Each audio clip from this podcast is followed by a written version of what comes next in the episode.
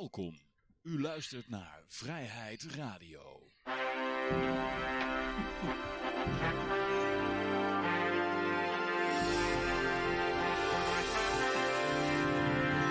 Uh, ja, dames en heren, jongens en meisjes, dit is weer een aflevering van Vrijheid Radio. Leuk dat u luistert. We zitten hier gezellig in Café Libertaria met op dit moment uh, Peter en Yoshi, die lekker aan het koken is.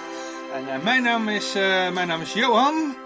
En misschien komen er nog andere mensen bij. Je weet maar nooit. Het is hier gezellig, dus... Welkom. Ja, U luistert hartstikke naar idee. Hier is de horeca wel open. Hoppa. Ja, leuk Ik jongens. ga keuken werkt op volle toeren. Ja, ja, ja, wat ben je allemaal aan het koken, joh? Ik ben een broodje kip. Oké. Broodje kip. Ik had Ah, geen heel aardappels te snijden. Ik had nog een oud broodje liggen. Oké. Nou ja, lekker joh. Ja. Ja, dat weet ik nog niet, Johan. Dat is zien. Ik, eh, ik heb er vertrouwen in. Ja. Ja, goed jongens. Het is, eh, het is lekker, eh, het, lekker. Met dit lekkere winterweer trek ik nou ja, geen gluwijn open deze keer. Maar gewoon, wat is het is het eigenlijk? Shiraz. Huh. Open. Eh, ja, jongens. eh, maar goed, ja, de show is eh, begonnen. Even kijken, ja, voordat we met de goud, zilver, bitcoin en eh staatsschuldmeter beginnen, nog even... ik wil nog even melding maken dat we natuurlijk een Telegram groep hebben waar je van alles kan posten. En dat is ook gebeurd deze week. En er kwam deze week dan ook de, de vraag, eigenlijk vandaag. er was iemand die wilde weten hoe het leven is, hoe, hoe het eraan toe gaat in Servië en in Oekraïne. Hij wil, eh, hij wil weg uit het koude kikkerlandje. Dus alle maatregelen helemaal zat. Ja, als het om kou gaat, dan eh, is Oekraïne niet veel beter in de winter. Nee, het gaat niet om de kou. de kikkers eh, kikkers maat- hebben ze. Maatregelen. Maar qua maatregelen is het in de Oekraïne wel een stuk eh relaxter. Alles is nou gewoon open, dus ik ja, kan dan naar de bar toe of eh, Oké. ze wel mondkapjes in de winkel op. Mhm. Ja, en ze hebben ook wel eens een lockdown gehad. Mhm. Maar eh, ja, maar dat is dan ook wel een lichte lockdown. Ik weet bijvoorbeeld van zo'n zo'n restaurant, eh, ja, dan moest je dan gewoon even een belletje geven van eh, ik kom straks even lunchen. en dan werden de gordijntjes dicht en dan hoor je toch wel naar binnen toe. Het is, het is daar wel wat praktischer. Maar je hebt ook mensen, ik hoorde ook van iemand die had, eh, ja, er zat iemand in de bus zonder mondkapje op. Dus die eh, heb ik een, eh, die heb ik de politie gebeld. En dan, ja, de politie die, die komt daar absoluut niet voor langs zetten. Maar ik zag wel dat in de metro hadden veel mensen een, een mondkapje op allemaal. Dus ik denk dat daar wel boetes worden uitgedeeld. Maar ja, dat zijn dan boetes van, van een paar euro of zo, hè. Oké. Hier word je gelijk gewoon helemaal geruineerd voor het leven. Maar dat... Eh, zo. Dat is mayonaise hoor. Dat is mayonaise. Zou ik mezelf even muten?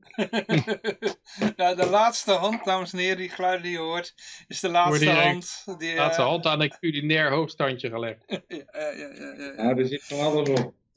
Ja, in Servië eh, was het het begin van de pandemie in maart natuurlijk, net als bij de rest.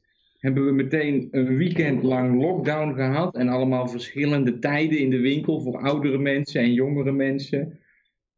Eh, eh, op dit moment staat Servië op de derde plaats in Europa als het gaat om dichtheid van vaccins. De mensen zijn al heel bereid om zich vol te laten schieten met vergif hier. En dat kan ook iedere Servië melden. En eh, officieel is na zoveel uur s'avonds de horeca dicht. Volgens mij negen uur s'avonds is de, is, moet alles dicht zijn. Maar ja, het punt is dat het, de overheid is niet zo rijk en er wordt niet zoveel ge, gehandhaafd. En de mensen die denken allemaal van ja, eh, de kapper hier mag ook niet open zijn, maar die is gewoon open. Snap je? Er er wordt gewoon geknipt. En er gaat echt niemand, gaat, er houdt gewoon niemand zich aan die regels en er wordt niet gehandhaafd en het leven gaat gewoon door. En, eh, ja, maar als je dus Ja, op zich is dat wel mooi, hè? Als, het, als die, naarmate die regels steeds gekker worden, komt er een keer een moment dat mensen gaan zeggen van ja, nou, nou is het mooi geweest. Nou begreep ik dat het Center for Disease Control in Amerika adviseerde dubbele mondkapjes. Dan moet je twee mondkapjes over elkaar heen doen. En, en ja, dat, er waar- was al sprake van drie en vier en zo. En wat, hoeveel mondkapjes kan je mensen omkrijgen voordat ze zeggen, ja, nou eh, bekijk het maar. eh. het was toch al alleen maar een mondkapje voor, eh, om, een, om een gevoel van urgentie te krijgen. Want eigenlijk gaf men wel toe dat het niet werkt. Dus dat, eh, ja, dan, maar met twee mondkapjes voel je dan twee keer zo urgent of zo. Ja. Eh, op een gegeven moment gaan mensen een keer... Ik weet dat Ten en Peller, die hadden een keer een, een sketch. En dan gingen ze kijken hoeveel gescheiden vuilcontainers ze mensen konden eh, laten eh, eh, gebruiken. Dan Dus één eh, vuilniswagen die ze ophaalt. Ja, dan gingen ze, er zaten er zes en dan kwam iemand, er kwam er wat ingooien. En zei, nee, nee, de tonijnblikjes, nee, tonijnblikjes die moeten in, eh, die moeten in, de, in een andere, in, een, in de gele eh kliko met roze stippen. En Hadden ze, hadden ze oneindige, op een gegeven moment gewoon bij twaalf begonnen mensen van, eh, ja, oh, wacht eens even. ze, mensen zijn, om, als ze bereid zijn om goed te doen, als ze dat denken tenminste, dan zijn ze bereid heel veel te offeren. Ja, tot wel twaalf prullen bakken. Ja. Maar ja, ik hoop dat dat een beetje de vraag beantwoordt. Er is dus wel van alles aan de hand.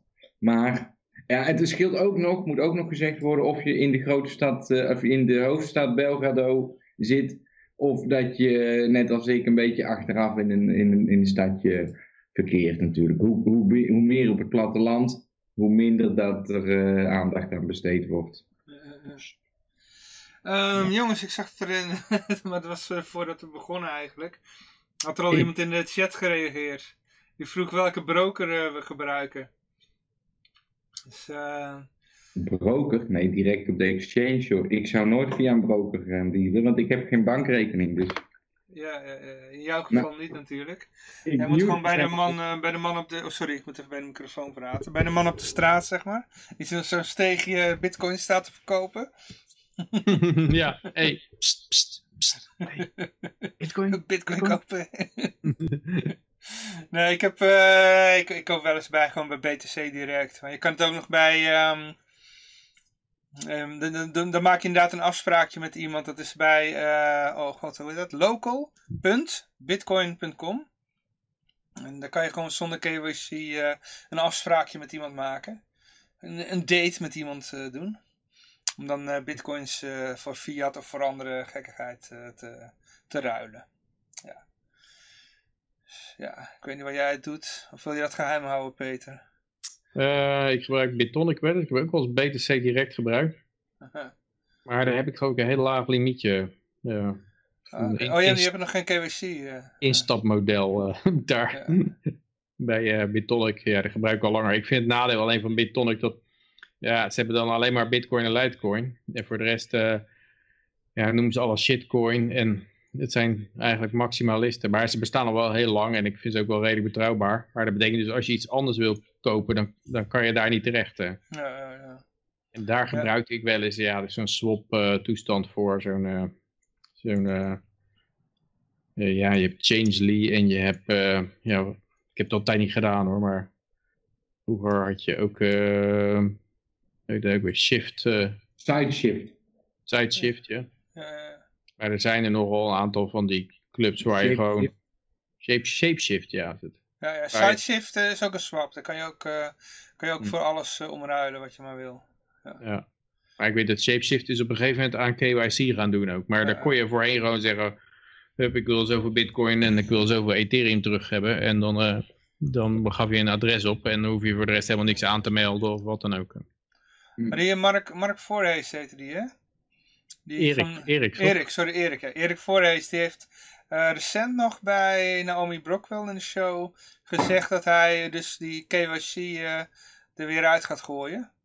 Oké. Dus eh, ja, dus, eh, er komt een, eh, er komt een eh, shapeshift zonder KYC, die komt weer terug. Ja. Ja, je zou zeggen, als je helemaal niks met fiat te maken hebt, dan... eh, Mhm. dan maar ja, ik weet niet hoor, hij, hij zal wel gehandeld hebben op... Kijk, hij, hij is geen fan van KYC denk ik, maar hij... Want het is ook een eh NCAP.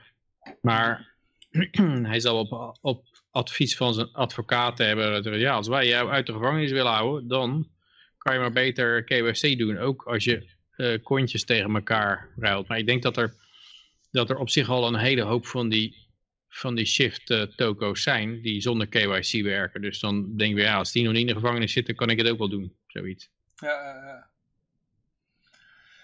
Ja, het is wel zo, hoe meer je uitspreekt, hoe liever dat ze je natuurlijk willen pakken. Ja, uitspreekt waarvoor? Nou, als hij een handicap is en hij zegt tegen dingen, dingen van ja, de Ja. overheid onderdrukt ons en weet ik veel wat, dan Hmm. speel je jezelf een beetje in de picture. ja. Maar ja, dat was hij al veel langer natuurlijk, voordat hij dit begon. Maar... Ja, Maar wa- was hij toen bekend? Ja, hij was wel aardig bekend, dus dat is... Vo- voordat hij in de bitcoin zat? Ehm, ja, ik dacht het wel, ja. Oh, ik, ik ken hem Ja. echt alleen maar van... eh, van, van ik ken hem alleen maar van eh Ja, Hij, hij had toen toch ook zo'n, eh, ja, dat was ook Bitcoin inderdaad. Zo'n eh, zo'n eh, Satoshi Dice of zo was dat. Zo'n Eh. eh, gokspelletje via Bitcoin. Dan kon je in Bitcoin gokken. maar dat is inderdaad ook Bitcoin, ja. Maar we gaan even naar de goud, zilver, de bitcoins en de staatsschuldmeter. Oh. Eh, laten we beginnen met de staatsschuldmeter. Nou ja, zoals je ziet, die staat op 380,6 miljard in het rood. En ik weet verder niet wat we erover kunnen zeggen. Het is gewoon een scriptje wat afgespeeld wordt. Dus laten we maar niet al te serieus nemen. Wat we wel serieus kunnen nemen uiteraard is de marijuana-index. En holy macaroni, daar is heel wat gaande. Het ziet er een beetje uit als, eh, alsof Elon Musk daar ook in gestapt is. Want die gaat fors omhoog, zeker wel met 100 punten. Als we even terug scrollen naar vorige week, dan was het allemaal nog om en nabij de 200 eh, punten. Volgens mij was het net, ja, 215, vijf dagen geleden. En nu staat het dus al op eh 3,35. Dat is eh, hartstikke mooi. Dat is natuurlijk ook vanwege het eh, nieuws dat eh, Joe Biden, die wil het allemaal federaal gaan legaliseren. Legaliseren natuurlijk tussen aanhalingstekentjes. En dat betekent natuurlijk weer dat er een hele hoop vergunningen afgegeven moeten gaan worden. En een heleboel compliance en KYC, et cetera, et cetera, et cetera. Ehm, ja, dan hebben we natuurlijk nog het goud. Het goud staat op 1842. Dat gaat eh, lekker omhoog. Mm, verder weinig over te zeggen. En de olie. De olie, hoe doet de olie het? Even kijken, die gaat ook omhoog. 58 dollar per vat. Dat is eh, hartstikke mooi. En dat roept natuurlijk ook weer vraagtekens op, want ja, in deze tijd is dat eigenlijk wel een beetje gek natuurlijk, zou je zeggen. Want eh met al dat thuiswerken en eh, ja, er is niet veel mensen die de snelweg op gaan. Toch gaat het allemaal omhoog. Ik weet niet wat, wat jouw gedachten erover zijn, Peter. Op, zich vreemd, er zijn nog steeds niet veel mensen die rijden. Er wordt steeds niet veel gereden, tenminste. Nee, nee. En de accu zou misschien ook weer leeg nou houden. Ja, je kan ook andere dingen doen met olie, hè. Ik bedoel, de plastic. Ja, zou er meer plastic gemaakt worden dan? Nee, misschien in andere gedeelten van de wereld of zo. Maar ik hoorde laatst ook zo'n Amerikaan zitten, die is een podcast. En die zei ook van, ja, ik ging tanken. En ik denk, misschien is het wel de laatste keer dat ik tank. Want ik sta die au- auto, eh, de hele commute is weggevallen. Er zullen toch wel veel meer mensen thuis gaan werken. Dus ja, zal wel blijven ook. Maar ja, misschien dat het allemaal wordt opgevangen van een vraag uit, uit Azië of zo. Ja, het autovervoer is maar een eh, gedeelte daarvan, hè, van wat er met olie gedaan wordt. Ik bedoel, eh, de vrachtwagens die blijven gewoon rijden. Dus, eh, ja, Ja, maar kerosine bijvoorbeeld, dat zou ook heel sterk teruggelopen zijn. ja, ja. Ik weet ook niet wat voor gedeelte dat is. Hm. Nee, ja, goed. Ja, nou ja, al die rijke lui met die, die jachten, die zitten lekker te social distancen, weet je wel. Ja, mijn jacht, zoveel wel ver van jouw jacht vandaan. Ja. Nee, maar goed. ehm, even kijken hoor. Eh, we hadden nog de, ja, de bitcoin. Die, nou ja, dat... Oh shit. Ach, jezus. Halleluja, de koei. Even weer terugzetten op een week. Nou, je ziet precies wanneer eh, Elon Musk was eh, ingestapt. Mooi recht lijntje omhoog. Nou, je ziet niet wanneer hij was ingestapt, maar wanneer het bekend werd dat hij was Ja, ingestapt. ja, Hij was al eerder ingestapt. Wanneer de tweet was, eruit was gegooid. Ja, het kwam geloof ik uit een of andere sec-filing. Hij had eerst een tweet gedaan. Dat het in, had hij het in zijn, bit, in zijn Twitter profiel gezet. Dat was al tijd geleden. En, en toen kwam er officieel naar buiten dat, hij, eh, dat Tesla anderhalf miljard gekocht had. En overigens stond er schijnbaar al op een of andere Reddit-post, al een maand eerder dat, dat eh, Tesla Bitcoin gekocht had. Iemand die dat gelekt had. Oké, ja. ja, het gerucht inderdaad al de ronde, ja. ja, ja. Zo zijn er ook eh, geruchten dat eh Grayscale, of ik weet niet, volgens mij was het Grayscale of MicroStrategy, die, ehm, die op, op andere, hoe heet het, eh, smart contract coins. Die willen dus naast de Ethereum ook eh, Cardano, Polkadot en eh, zelfs EOS eh, willen ze gaan uh, aan gaan schaffen. Een Grayscale heb ik het wel gehoord, maar Ja, dat die, die eh, dan. MicroStrategy Sky, die is helemaal eh, maximalist wat ik er altijd van begreep. Ja, dat is inderdaad Grayscale, ja, dat is Grayscale. In ieder geval, er was zo'n zo'n opkoper, zeg maar. Ja. Ja. Maar in ieder geval, Hodgkinson van eh, Cardano, die had het ontkend eh, dat hij er iets van wist. Die, of die wilde er in ieder geval niks over loslaten. Dus, eh, ja. Maar je kan nog heel goedkoop eh, IOS inkopen. dat is volgens mij de enige die nog helemaal niks gedaan Ja. heeft. En Bitcoin Cash. Dus Cardano is volgens mij al flink de lucht ingeschoten. ja, helemaal door het dak, maar toch, ja, het was ook zo ver gezakt, want het, het zit nog steeds niet op all-time high. Nee, inderdaad. Het, het was, ik kan mezelf herinneren 88 cent. Dat is waar ik ze toen voor verkocht heb. Hm. Ja, wat ik eh, het rare vind is dat, ik hoorde laatst iemand zeggen, dat was een beetje cynisch over Cardano. Ja, het is natuurlijk een, bedoeling dat het een smart contract wordt en zo, en dat je er van alles mee kan, eh, net zoals met Ethereum. Maar eh, het enige wat je er nu mee kan, is het van de exchange halen naar je wallet en het weer terugsturen van je wallet naar de exchange. dat is wat er nu mee mogelijk is. Zeg maar. Je kan daar helemaal, nog helemaal geen smart contract ik heb ze wel gewoon van Exchange gehaald hoor. ja, dat zeg ik. Je kan ze van de exchange halen naar je wallet. En je kunt ze van je wallet naar de exchange terugsturen. Dat is wat je met Cardano kan. Maar Oh, oké. Nee, dan kan, je kan nog veel meer steken. Dat, dat doe ik dan. Ehm, je kan ook nog... ehm, nou, dat- tenminste, ik heb het zelf nooit gedaan. Maar eh, of het moet nog gebeuren. Er komt binnenkort een nieuwe hardfork aan. Van, eh dit heet de Mary dat- Hardfork, geloof ik. En dan kon je met programmeertaal... Ze komen met een eigen programmeertaal... waarmee je dan die coins gaan programmeren. En je kan er tokens op maken. Oh, dat zeg nou weer fout. Eh, bij Ethereum en Bitcoin Cash kun je tokens erop maken. Bij Cardano kun je tokens erin maken. nou, bedankt voor deze Ja, ja. En dat is na de volgende hardfork, ja. Ja, maar dat, dat zei hij dus ook van, hebben de volgende hardfork komt er dan wel wat meer functionaliteit in. Maar nu is er eigenlijk nog, heb je eigenlijk niks aan die functionaliteit. Dus het is eigenlijk voornamelijk alleen nog beloftes.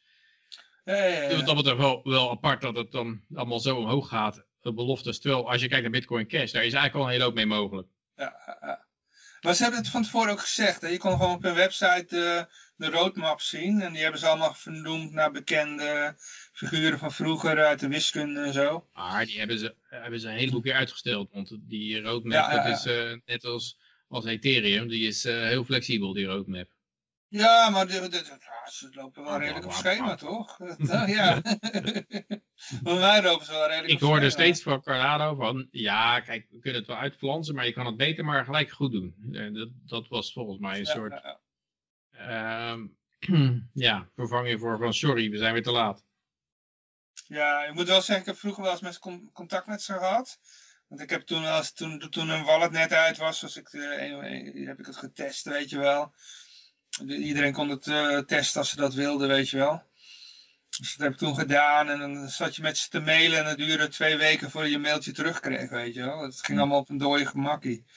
Dus eh, ja, dus, eh, of ze hadden het gewoon heel druk, dat kan ook. Maar eh, Ja, wat ik bij Cardano altijd eh, ja, vind, die vent die heeft het heel vaak over, hij moet compliant zijn met de regulators en zo. En, maar wordt dan ook gezegd, ja, het is heel gedecentraliseerd, dus het is, nee, er zit geen central point of failure in. Maar ja, als jij heel erg compliant bent aan de regulator, heb jij een central point of failure volgens mij, want dan zegt de regulator, die zegt, ja, en nou moet eh, Pietje, Pietje niet meer betalen, of eh, al, Pietje zijn adres is geconfiskeerd. Dat is de regel. Oh ja, wij Ja. zijn heel erg compliant met de regulering bij Cardano, dus hartstikke idee.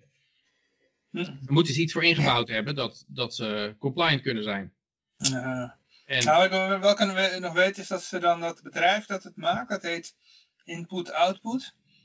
En die zitten dan op verschillende plaatsen in de wereld, Zwitserland, Hongkong, Singapore geloof ik, en nog een paar eh, plaatsen. Maar ik geloof dat hun hoofdkantoor in, ben ik me te herinneren, in Hongkong zat. Dat is ook niet de beste plaats om nu eh, een bedrijf te gaan eh, hebben, weet je wel. ja, ik denk dat Hongkong nog best wel eens ehm, even mee kan vallen. Want de Chinezen die nemen het wel over, maar die willen natuurlijk niet gelijk dat het na hun overname helemaal de, de grond instort. Ja, Dus wat die volgens mij doen is daar een enorm berg geld in stoppen om dat eh, zeg maar tot een succes te maken. En dat, Mhm. dan komt dat, ik denk dat het bijna een sure bet is als je op de markt van Hongkong gokt. ja, Dat de Chinezen dat kosten wat kost overeind willen houden en zelfs omhoog willen sturen. ja. Ja, of een bedrijf dat, eh, bedrijf dat, eh, dat gerund wordt door een libertariër, ja. Ik weet het niet hoor. of ze daar of- genade voor hebben. Maar... Ik weet niet of het een libertariër is ook. Ja, ja, ja, ja. Hij, is, heeft hij is nog actief geweest bij de, bij de LP in Amerika. Dus, eh, Die Hodgkinson? ja, ja, ja. Voordat hij met bit, in Bitcoin ging, was hij actief bij de, bij de Libertarian Party. Maar hij is daarna helemaal in Bitcoin ges- gestort. Dus eh, hij was heel vroeg bij, hè, bij, bij Bitcoin. En toen is hij eh, met, eh, daarna Ethereum opgericht samen met die, eh, met, die- met die ene, eh, hoe heet hij nou? Vitalik Buterin. Ja, en nog een andere gast en die doet nou Polkadot geloof ik. Oké, Dus- oké. Er zijn twee contenders van Ethereum. Dat zijn medeoprichters van Ethereum. Die nou. eh, en die, en de, de, de Chief Technical Officer van Ethereum. Die is nou Polkadot. eh, dus op zich is dat ook, ook wel iets leuks om in de peiling te houden. Dat Polkadot. Maar het is ook alweer enorm gestegen. Dus Ja. staat ook alweer in de top 10. Ehm, goed, ja, nou ja, eh, het eerste berichtje is een Bitcoin berichtje. Eh, eigenlijk gaat het over de politie die probeert een, eh, even kijken, in beslag genomen Bitcoins te kraken. En dat lukt ze niet. 53 miljoen euro aan bitcoins van een internetfraudeur proberen, probeert Duitsland te innen. En dan, als ze wil zeggen Duitsland probeert dat te innen, dan denk je van wie is, wie is Duitsland? Ken ik Duitsland? Maar Duitsland, dat bedoelen ze dan de overheid van Duitsland. Ja. En die proberen dat eh, geld te innen. Maar hij wil zijn wachtwoord niet geven. En eh, ja, hij was tot twee jaar cel veroordeeld omdat hij malafide software op andermans computers had geïnstalleerd die bitcoin minen. Dus het, ik denk wel dat het een hele hoop gruis is, van die hele kleine Ja, ja, bedragjes. ja. Dus waarschijnlijk kan je het niet eens meer, ook als je, als je dat zou hebben, kan je het misschien niet eens meer eraf krijgen. Want dat hele, dat, inter, dat de bitcoin gruis, dat is gewoon eh, de transactiekosten niet waard. Ja, maar het is niet helemaal waar, want als je mined, als jij mensen malafide laat minen, dan komt toch, als jij al die miningkracht naar één pool stuurt en al die individuele computers die minen allemaal voor jouw account, Hm. dan heb je in totaal een bepaalde snelheid en dan krijg je van die pool toch gewoon hele delen. Op één adres gestort. Ja, ja, het is niet zo dat die mensen microscopisch kleine deeltjes bitcoins minen, maar die zitten allemaal in één, aan één account gelinkt van een mining pool en hun gezamenlijke kracht zorgt voor één uitbetaling. Ja, ja. Ik denk ik, hè, ik weet het natuurlijk niet, Hmm. maar ik denk dat het zo zit. Ja. Ja. Nou, ik vind wel, het is weer nu.nl, dus kan ik het weer niet laten. Maar als je nou even een tip, tip van Yoshi, hoe herken je fake nieuws? Nou, als je nou een fake nieuwsbericht eh, wil herkennen, dan ga je, als er nu.nl staat, dan weet je het dan natuurlijk. Maar dit is wel makkelijk voor het voorbeeld. Eh, hier staat dus 53,2 miljoen euro aan bitcoins. En er staat in het hele artikel, terwijl het toch ontzettend ehm eh, wetenswaardigheidje is, zeg maar, dat een, een leuke toevoeging is, een leuk feitje wat ze zouden kunnen melden, is hoeveel bitcoins dat dat dan zijn.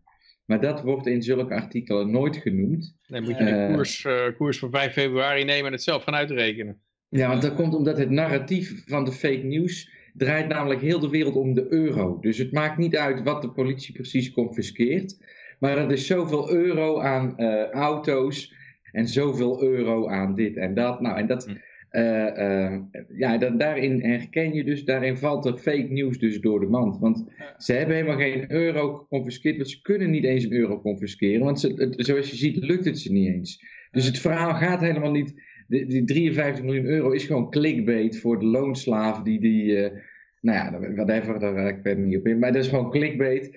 En, en ja, het is erg jammer dat ze dus zo'n dramatisch slecht stuk durven te publiceren, waarin ze allerlei hele wetenswaardige feitjes en allerlei kennisoverdracht nala nalaten te publiceren. Dus nou ja, dat is weer even mijn rent tegen nu.nl. En kennelijk is het uh, zelfs nog, nog minder, want het is niet natuurlijk... Op dat, um, nu.nl heeft het op 5 februari gekopie en past van een persbericht dat er eerder uitgestuurd was. Ja. En dat persbericht is, uh, komt weer ergens van, heeft ook weer een bron. En dat is waarschijnlijk de Duitse politie. En dat heeft, daar hebben ze eerst nog een maand over vergaderd. dus, ja, je moet ook de laatste zin lezen. De laatste zin is toen dit jaar geleden dit een jaar geleden bekend werd, hadden de virtuele munten een waarde van 53 miljoen euro. Omdat, omdat de bitcoin in het afgelopen jaar flink in waarde is gestegen, zouden de codes nu toegang geven tot een bedrag van 187,5 miljoen. Oké, oké, oké. Het is wel grappig. Ik dat de Finse overheid die heeft ook uh, van uh, bitcoins in beslag genomen van een of andere uh, ja, drugsdealer of zo. En die, die, die er komt steeds weer in het nieuws van, uh, ja, ze denken erover om, om die te gaan verhandelen. Maar kennelijk hebben die ook het probleem van, ja, laten we nog even wachten, want het wordt steeds meer waard. Dus die, die, zelfs de overheid, overheidsheersers, die, die willen hun buit niet verpatsen, omdat het steeds meer waard wordt. En daarnaast moet ik er natuurlijk ook even bij, bij zeggen, want dan, uh, als je dan op een exchange brengt, weet je wel... Ja, je kan zeggen van, nou ja, ik, doe, ik wil dat bedrag ervoor hebben. En dan moet je hopen dat ik dat een keer raakt en dat de, de kopers dat hele bedrag opeten dan. Maar je kan, meestal kun je dan doen, moet je op een markt klikken, maar dan is het niet, dan, zeg maar, dan, dan is het zeg maar alle bedragen die op dat moment, de orders die op dat moment staan, die pakt hij dan. Maar dat is nooit dat ene bedrag. Dat, dat zijn, uh, nee, dan moet je een, uh, een limiet neerzetten en dan wachten tot die opgegeten wordt. Ja, dat is dat wat ik eerst zei. Inderdaad. Maar kennelijk, kennelijk willen ze dat daar niet eens doen, want of ze hebben dat paswoord ook niet hoor. Dat kan ook zijn dat ze gewoon blijven door de, volhouden van ja, we willen nog niet verkopen. We hebben die paswoord wel, maar ja, we willen het niet verkopen. Misschien hebben ze gewoon helemaal niet. Ja, dan komen, misschien brengen ze wel een of ander flutnieuwsbericht op een gegeven moment uit van we hebben het gekraakt. Weet je wel, dat ze dat wachtwoord gewoon wel hebben gevonden ergens. Maar dan zeggen ze nee, wij hebben bitcoin gekraakt, we hebben het gehackt. Maar we gaan niet vertellen hoe. Maar we hebben een manier om bitcoin te hacken. Nou, iedereen panicellen. En... Ja, ik weet niet of de overheid dit nog de geloofwaardigheid heeft om dit soort uh, geruchten in, in, in de wereld. Ja. Want ja, uh, als je eerst hebt gezegd je moet vier mondkapjes dragen om, om een pandemie tegen te houden. Je zegt nou, nou we hebben bitcoin gekraakt. Dan, de, dan zeggen een hele hoop mensen, mm -hmm, ja, ja, ja, natuurlijk. Dat geloven we gelijk. En misschien is het bedrag in werkelijkheid veel groter. Maar is natuurlijk de, de feest- en partijenkast van de politie nog mee gespekt. En de, hoe dat? De, de barbecue pot van de, de ambtenaren. Het probleem van bitcoin is dat je dus wel precies ziet waar die munten heen gaan. Dus als dat gebeurt, dan weet iedereen het wel. Uh, uh, uh. Dat, dat, ja, die kans schat ik minder groot in. Ja. Ja, trouwens, die politieagenten hebben er toch scheid aan. Die doen dat gewoon. Ja, maar ik denk niet dat die politieagenten daar last van hebben. Want ja. Nee, Die kunnen ja, gewoon op uh, klaarlichte dag iemand doodschieten en dan ja. komen ze er nog mee weg. Dus waarom, waarom zou die niet een paar uh, gestolen bitcoins zeggen, oh ja, drugsdealer, hupsakee, kanon. Ja, die, die FBI-agenten die aan de Silk Road, uh, de controle van de Silk Road hadden meegedaan, die zijn toch ook allemaal de bak in gegaan? Die zijn wel de bak in gegaan, ja. Maar die hadden dat, ja, die hadden dat wel heel erg privé gehouden. Ik zeg, als je naar het barbecue fonds van de politie doet, dan gaat het wel goed. Maar als je het echt gewoon helemaal in je eigen zak steekt als agent, dat, uh, dat is niet te doen. Je moet het via de chain of command sturen. En dan krijg je misschien Delen een, met de medeagenten. Ja, delen met de medeagent en de politici vooral. En dan krijg je... Op en OR, hè, de OR. krijg je een airfryer met kerst. Als beloning. Net als toen met Bad Gate, weet je wel. Je moet ook vooral met de ondernemingsraad delen. Ja, um, politie, oh, die, die kraken nog meer hoor. Politie mag in beslag genomen uh, smartphones ontgrendelen uh, met vinger van verdachte. Ja joh. Ja, dus allemaal voortaan met een vuil je... nou, of je kan je hele, je hele vingerafdruk scanner niet gebruiken. Dat kan ook hè. Maar het is wel raar dat, dat ze mogen je niet dwingen je wachtwoord af te staan of zo. Want je, je hoeft jezelf niet, niet mee te werken in je eigen veroordeling. Eh, eh, eh. Is altijd het verhaal. Je, bent je hebt een zwijgerecht. Dus je kan zeggen, als ze zeggen, ja, geef je paswoord. Nee, zeg, geef ik niet. Maar kennelijk mogen ze gewoon jouw vinger pakken. Of eh, ja, je gewoon in bedwang houden en jouw vinger met geweld op jouw telefoon leggen. Ja. Dus voordat dat je opgepakt wordt, even flink in je vinger bijten. Nou, ja, dan kan je mijn goed heeft, eventjes eh, de vinger, vingerafdruk eh, ding uitzetten op je... Mijn heeft Telefoon. gezichtsherkenning. De mijne heeft gezichtsherkenning. Ja, maar dat was dus ook al zo. We kunnen hem voor je gezicht houden om te openen dan. Maar Ja, ik kan nog een tip geven. En mijn Eh. code is mijn, is mijn geboortedag. Dus ja, als de politie een beetje wil testen... Dus dan kan je West gewoon 0000. Ja, ze zijn vaak zo dom bij de politie, dat, dat, dat misschien komen ze niet achter. Nee. Maar als ik een tip mag geven, je kan gewoon in je mobiel kan je dat instellen. Als je je duim erop doet, dan komt er een bepaalde apps die komen dan naar, eh, naar voren. Waarvan je bijvoorbeeld geen probleem hebt dat de politie daarbij komt, maar dan doe je je pink erop en dan kom je bijvoorbeeld bij al je bitcoin wallets. Ja, bestaat het? Dat kan, ja, ja je kan verschillende vingers doen. Dus, eh, En dan dat hij verschillend opent? Ja, ja, ja, dat kan gewoon bij Samsung kan dat. Kun je instellen. Je kan ook zeggen, ik tik twee keer op, die, eh, op dat scherm. En dan, dan komt er iets anders zo, eh, openen andere apps. zo fuck de police ervoor. ja, ja, ja. Oh ja, nou, dat is gewoon mijn openingsscherm. Ja. Je heeft alleen maar contacten en geen apps op je telefoon. Ja, ik weet het. Ik gebruik hem alleen om te bellen. ja. ja. Appjes? Nee, ik stuur nooit appjes. Ja, dan Wat, het wat is dat? Wat is dat? Ja, Facebook doe ik ook niet aan. Nee, heb ik al. Ja, maar dan kan je gewoon alle onschuldige apps, of tenminste waar je helemaal geen... eh, nou, of je doet alleen maar nu.nl en ad.nl. Nee, je doet gewoon wat porn-apps en dan zijn die politieagenten gewoon de hele tijd zoet. En dan aan het eind zeggen ze, oké, nou ga maar weg. dat ook, ja. ja. Ja. Ja. Ja, kunnen we nog verder nog iets over zeggen? Zodat hij maar gewoon bij Ja, later, ja, dat moet ik wel zeggen. De verschrikkelijke politie. Nu.nl. Ja. Ja, en dan gaan we naar het volgende bericht toe. Even kijken, wat hebben wij hier? Eh, de Telegraaf. De Telegraaf. Ehm, ja, oh ja, ja, er was een beetje sneeuw gevallen. Ik weet niet of je het gemerkt hebt. Ik heb er hier nog niks van gemerkt, want wij krijgen het dit weekend pas. Oké. Maar ik heb al twee keer sneeuw gehad hoor, van het jaar. Maar dit wordt de derde keer sneeuw. Ja. En deze keer echt, denk ik. Als ik zie wat er bij jullie valt, dan denk ik dat ik hier ook al wat kan verwachten. Ja, nou ja, ik vond dit nog wel meevallen. Ik heb dit vaker meegemaakt in mijn leven hoor. En toen reden de treinen nog wel. Dus, eh, Ik zag een nieuwspaalbericht, daar stond... eh, NS overweegt in de toekomst ook met sneeuwtreinen te rijden. ja. Maar inderdaad, kijk, dit heeft helemaal niks natuurlijk met sneeuw te maken dat de NS niet, niet rijdt. Het heeft meer met de vakbond te maken. Dus eh, ja, dus de, de, de, de, de conducteurs die hadden nu weer gewoon een vrije dag, weet je wel. Hm. Dus eh, daar, daar was het dan om te doen. En dus, dat, was in het verleden ook, weet je wel. De eerste dag dat er sneeuw valt, eh, in één keer heeft de NS hartstikke veel moeite. En dat komt gewoon door die, al die vakbond, vakbondsleden, weet je wel. Ik wil ijsvrij. Had ik op school vroeger ja. ook. Waarom nu niet? De Uber reed wel gewoon, dus... eh, Maar dit bericht gaat erover van, ja, je, je, dat er, je hebt winterpretregels. Nou, de, overheid, we hebben er nou de VVD aan de macht, zeg maar, de premier. Dat is een, een liberale partij die de onderdaan zoveel mogelijk vrij wil laten. En eh, ja, zijn eigen geld wil laten houden. En eh, ja, dat is een soort, het zou dan een soort quasi-libertariërs moeten zijn. En eh tada, ze maken regels over hoeveel sneeuwballen je mag gooien. En je mag met één vriend schaatsen slechts. Met- Maar hadden ze dit zelfs in de Sovjet-Unie niet, ja. ja, dit, is- ja, het Stalin die had nooit kunnen dromen van zo'n totalitaire macht. echt, En dan eh, komen er ook altijd de onderzoekjes erachteraan dat 80% van de Nederlanders het een goed idee vindt. eh, zit echt... eh Bre- Brezhnev in zijn graf zo brommen van... Shit, waarom was ik hier niet opgekomen? ja. Hoe komt het dat bij hun zo goed werkt? Ja, ja je weet natuurlijk wel dat, dat eh, als je...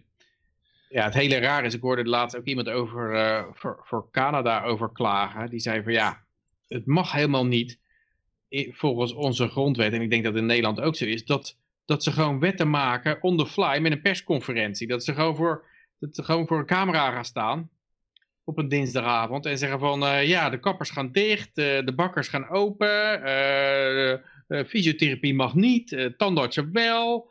dat, dat is gewoon on the fly wetten maken. En heel wordt hele... Peter, die eerste keer dat ze dat zeiden, dat die restaurants dicht moeten, toen zijn ze daar later, want toen kregen die restaurants op een gegeven moment zo'n NOW. Maar er zaten de eerste paar weken niet in, want toen zeiden ze nee, dat hebben jullie vrijwillig gedaan. Want wij hebben alleen een verzoek gedaan op de persconferentie, maar er was geen officieel wet of zo. Dus dat hebben jullie gewoon allemaal uit, uit vrije wil, dus die, die gaan we ook niet vergoeden die eerste maand. Ah. Ja, ja, echt waar. Dus, uh, maar ja, als je het wel deed, dan kreeg je de BOA bezoek, hè? Ja, oké, maar ja, dat is gewoon hun leugen en hun bullshit natuurlijk. Hè? Dat is gewoon. Uh, maar, maar dus het wordt een beetje zo wel nog gespind alsof van ja, nee, want nu hebben we de wet, uh, de, de noodwet, COVID-19. Dus nu is het wel allemaal gelegitimeerd. Want het is allemaal uh, door de Eerste en Tweede Kamer heen gekomen. Ja, maar ja, die gasten bij, bij Canada, er was ook zo'n soort burgerrechtenorganisatie. En die ging dat allemaal aanlopen klagen, de regering. Van, nou, dat mag helemaal niet en dit mag niet. En en dan komt er meestal uit inderdaad van, uh, nee, inderdaad, uh, oké, dat klopt, uh, die win je dan, zeg maar. En er wordt gelijk de wet erna veranderd van, ja. oké, we hebben hier een wet met een hele blanke pagina erin. En daar staat boven voor wat nog vergeten zijn. En daar kan alles onder vallen. En goedgekeurd, boem, knal, klaar. dus we kunnen alles standtepeden beslissen, want we hebben een blanke pagina in de wet. En daar kwam er, is dus ook met die PCR-test inreizende Nederlanders er was een, een, een gewonnen rechtszaak over. En een weekend later was de, werd weer met de regel veranderd. En, en moest je nou naast de. Volgens mij moet je nu naast de PCR-test ook. Ook nog sneltest hebben. Ja. ja, dus hebben ze twee testen ervan gemaakt. Nou, en dan gaat het gewoon weer door. En dan is het gewoon weer van ja, zolang als al die maloten dat blijven doen, uh, hebben wij weer een dag gewonnen. En we praten er gewoon maar weer een dagje bij. Zodat het, ja de tijd gaat Ja, je raakt er wel aan gewend dat er gewoon per decreet geregeerd wordt. En dat is natuurlijk Amerika ook. Eh, Biden die doet gewoon 30, 40 decreten in de eerste twee weken. Gewoon, ja, je hebt het hele parlement niet meer nodig. Het is gewoon de heerser die, uh, die ramt er gewoon een hoop dingen doorheen. En, maar ik moet wel zeggen, dat was bij Yeltsin ook zo. Yeltsin die deed ook alles per decreet. En ik weet nog dat, dat iedereen zei, kan dat nou zomaar bij per decreet? Is het, nog, is het nou nog steeds een democratie? het is wel een beetje het einde van het verhaal meestal. Uh, bij dit soort, uh, dat, het is wel een teken dat het heel zwak in elkaar zit. Ja. Nou ja, het is sowieso als ik van een afstandje kijk naar hoe dat eraan toe gaat, dan zie ik gewoon wel een beetje hoe het af gaat lopen. En dan, dat is gewoon van, ja, de bitcoin die stijgt door en die pensioenen die worden niks. En de westerse wereld verliest daarop. Uh, ja, en, en, en, en hoe snel dat je het ook wil laten gaan of hoe traag. Ze kunnen van alles de schuld geven. Maar dat is uiteindelijk volgens mij wat er staat te gebeuren. Ja, ik heb ook het idee dat ja, ze drukken wel een hele hoop geld, maar op een gegeven moment wordt al het... Eh, en, en het is ook zo, ja, die aandelen die gaan tot nu toe gaan daarvan omhoog en, en obligaties en, en alles gaat daar eigenlijk van omhoog, huizenprijzen ook. Maar ik denk dat, dat het in feite is van kan je nog echt een zaak bezitten? Want als je kijkt naar bijvoorbeeld een restaurant, ja, als jij, als jij je restaurant zag als je pensioenvoorziening, van je denkt van nou, ik heb een mooi restaurant opgebouwd en een cliënten, cliëntenbestand en die komen hier regelmatig en die verkoop ik straks aan iemand anders. En die haalt daar gewoon een inkomstenstream uit en dat, uh, doe je, dat kan je gewoon één keer afrekenen, heb ik mijn pensioen. En dan boem opeens, wordt het uh, hele zaak dichtgegooid voor een jaar en dan, en dan is je hele vermogen weg eigenlijk. Uh, de, en, en dat gaat ook met kappers zo. Uh, maar dat gaat ook met huiseigenaren zo. Als jij huisjes verhuurde in New York, dan wordt er gewoon gezegd van ja, uh, de huur, je kan mensen niet meer uitzetten. Dus uh, nou, gaan mensen hoeven geen huur te betalen, je kan ze toch niet uitgooien. Dus eigenlijk is dan je, je kapitaal in je huis ook waardeloos. Dus ik denk dat die aandelenmarkt staan wel hoog, maar eigenlijk zijn alle bedrijven waardeloos hiermee. Want, want het is, lijkt nu nog zo, denk ik, dat de allergrootste bedrijven, die hebben voldoende ingangen, dat ze gewoon door kunnen blijven gaan. Maar ik denk dat dat ook tijdelijk is. Dat was bij Nazi-Duitsland ook zo. Dat, dat die hele grote bedrijven, die steunden Hitler dan. Want die denken, nou, die kleintjes worden uitgeschakeld door hem. Die worden allemaal uh, gedwongen opgenomen in grote. Dus wij zijn de concurrentie kwijt. En dan op een gegeven moment krijgen zij ook uh, de, eh, met eh, een vuistslag zeg maar, in het gezicht. Ik weet er een verhaal van, van de, de directeur van de grootste verzekeraar in Duitsland. Die ging na de kristalnacht ging hij naar Hitler toe. Want eh, ja, al die ruiten waren ingegooid en dat moest hij allemaal gaan vergoeden. En hij dacht van nou ja, ik ben, een hele, ik ben de CEO van de hele grootste verzekeraar. Ik ga over heel veel kapitaal. Ik ben een hele pief. En eh, ik zal uh, die Hitler eens even uitleggen van ja, dit kan zo niet. Roept die gast eens even tot de orde. En hij werd gewoon afgeblaft. Hij, werd gewoon, hij, stond, hij, hij was, stond er zo vreemd van te kijken dat hij gewoon door Hitler gewoon weg werd gestuurd. En had hij gewoon niet gedacht van ik, ik ben de grootste CEO van de grootste verzekeraar. Maar ja, dat, uh, ja, dat soort politici die, die, ja, die uh, pakken de steun van grote bedrijven zolang dat uh, noodzakelijk is. Als het niet meer noodzakelijk is, dan zeggen ze, nou ja, toeledoki. Dus ik denk dat ook die grote bedrijven uiteindelijk, heb je daar geen bezittingen meer aan. En, en op die manier denk ik dat heel veel, en obligaties natuurlijk sowieso al met geldontwaarding, dat, dat je daar geen bezittingen in hebt. Dus wat heb je dan nog aan bezit? Ik denk dat dat inderdaad gaat graviteren dan naar zoiets als bitcoin, of misschien ook nog wel goud en zilver, omdat je ja, je hebt misschien wel niks, maar je hebt het wel. je, het, ja, precies. Het is, het is tenminste wel je bezit. En alle nou, andere bedrijven, is eigenlijk bij die, bedrijven, bij die bedrijven heb je natuurlijk ook uh, het punt dat je kan alleen maar een, een florerend bedrijf hebben als je ook consumenten hebt die iets kunnen besteden, weet je wel. En als dus iedereen, of ja, niet iedereen, de ambtenaren die hebben nergens last van, maar als, als dus de, de, steeds meer mensen in, in problemen komen om überhaupt de huur te kunnen betalen, ja, hoeveel... Uh, fietsen verkoop je op een gegeven moment dan nog, weet je wel. Hier in, in Servië, als je ziet wat voor fietsen die mensen rijden, die, die, maar, weet je wel, die plakken ze die band voor de dertigste keer. Mhm. Want die gaan echt geen nieuwe band kopen, want het is allemaal te duur. Dus die gaan alles maken en die worden veel duurzamer met hun spullen. Die, die, die gaan echt niet ieder jaar een heel nieuwe huis kopen bij de Ikea, snap je? Die, die gaan dat oude, dat oude meubel, gaan ze een ander kleurtje verven of, uh, nou ja, en... en dus, dus als iedereen minder te besteden heeft, gaan ze minder uitgeven. En dus ook heeft dat zijn uitwerking op die bedrijven hun winstgevendheid. Ja, dat krijg je ook. Maar ik denk dat het bijvoorbeeld een boerderij, dan kan je zeggen, nou, voedsel is in ieder geval nodig. Dus ja, dat, dat hebben ze altijd nodig. Dus een boerderij is goed. Maar ook een boerderij heb je gezien. Je hebt dik geïnvesteerd in, uh, in enorme milieuverbeteringen voor je stallen. En de overheid komt langs en zegt, ah, stikstofcrisis, je halve bedrijf gaat eraan. Inleveren die handel. Sluiten die hap. Dus ja, je kan eigenlijk nergens anders meer investeren. En dat is de reden waarom alles naar, naar, uh, ja, die, naar die harde assets toe gaat. Uh. En ik denk dat, dat het voordeel van crypto nog is, boven bijvoorbeeld goud en zilver, dat je, dat je met crypto het land kan uitvluchten. Je weet misschien niet waar je naartoe moet, want het is overal een bende, maar, maar, je kan wel weg. Nou, in de chat, uh, Telegram chat, er werden nog een paar landen genoemd waar je nog, waaronder Tanzania en... Nou, Rusland, daar viel ook nog wel mee. Daar had je nog een leuk uh, nachtleven en alles. Dat, dat, dat ja, in Tanzania, daar zit die, die president die, die, die die testen had op laten sturen, geloof ik, van, ja, van die papaya en, uh, en, een geit. En uh, die waren allemaal positief gevonden, toch? Ja, ja, ja. Ja, ja en hij noemde nog een paar landen. Er werd in de Telegram chat werd door iemand genoemd. door Jopie, ja. En, maar ja, goed, hij, hij is een muzikant en bekeek het vanuit dat perspectief. En waar kun je als muzikant nog even aan de, aan de bak? Waar kun je nog even live spelen als je dat graag wil doen. Hè? Want ja, voor een muzikant is dat natuurlijk de lust in het leven. Maar ik, ik schot zelfs nog te binnen dat een Amerikaanse vriend van mij, die uh, als hij even uit wil gaan en weer gewoon het oude normaal wil beleven, dan gaat hij naar de Mexicaanse kust. Hij zit trouwens niet, waar, niet in Anarchapulco, maar in een ander deel in Mexico.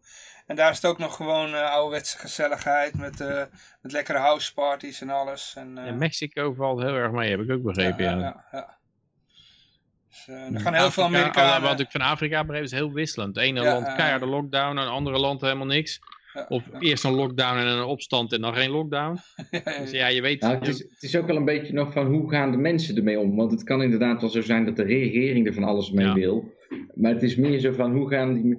Je ziet gewoon in Nederland dat die mensen helemaal geconsumeerd worden door dat nieuws. Omdat het zo belangrijk is om het nieuws te volgen in Nederland. En hier heb je gewoon ja, een veel informelere samenleving die gewoon echt niet luistert naar wat, uh, wat de overheid allemaal zegt. En dan heb je ook al een heel ander, weet je wel, als de mensen gewoon zin hebben om bij elkaar te zitten, dan gaan ze echt wel bij elkaar zitten. Maar dus, ja. ja, dat is bij Oekraïne ook wel zo, dat de overheid wordt gewoon me veel minder, veel meer genegeerd. Ja. En, uh, men, men, voelt ja, men voelt het gewoon een beetje als ja, een, een, lastige figuur en je moet er een beetje omheen zien te werken. En, dat, en, en de overheid is ook veel incompetenter.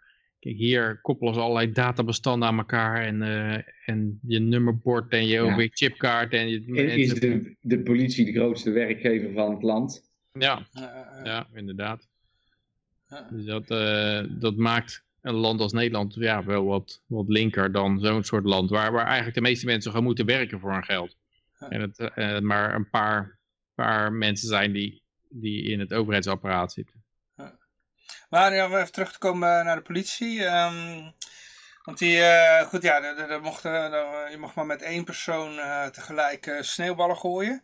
Maar er waren wel beelden opgedoken dat, eh, dat je allemaal politieagenten met elkaar eh, sneeuwballen zag gooien. Hè? Er ook politieagenten met onderdanen sneeuwballen Ja, ja, ja, ja, ja, ja, ja. Dus, eh, zelf overtraden ze ook de regeltjes.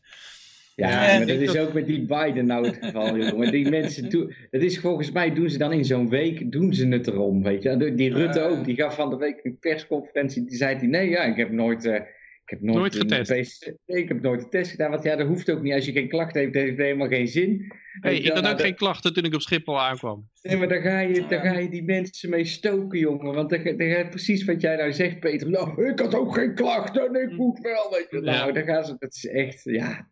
Psychologische oorlogvoering gewoon. Dat is ongekend. Maar eh, ik weet niet of ze dit, hebben nageleefd. Maar de politie die waarschuwt flinke boete voor niet sneeuwvrij maken van je auto. ja, dat is ook weer... eh, Zelf hebben ze, volgens mij hebben ze dat nog nooit in de Sovjet-Unie gedaan. nee, nee. Hadden ze daar ook geen auto. Zelfs niet in Siberië. Trabant. Ja, dat is ook weer... eh hup, de 259 euro. Ja.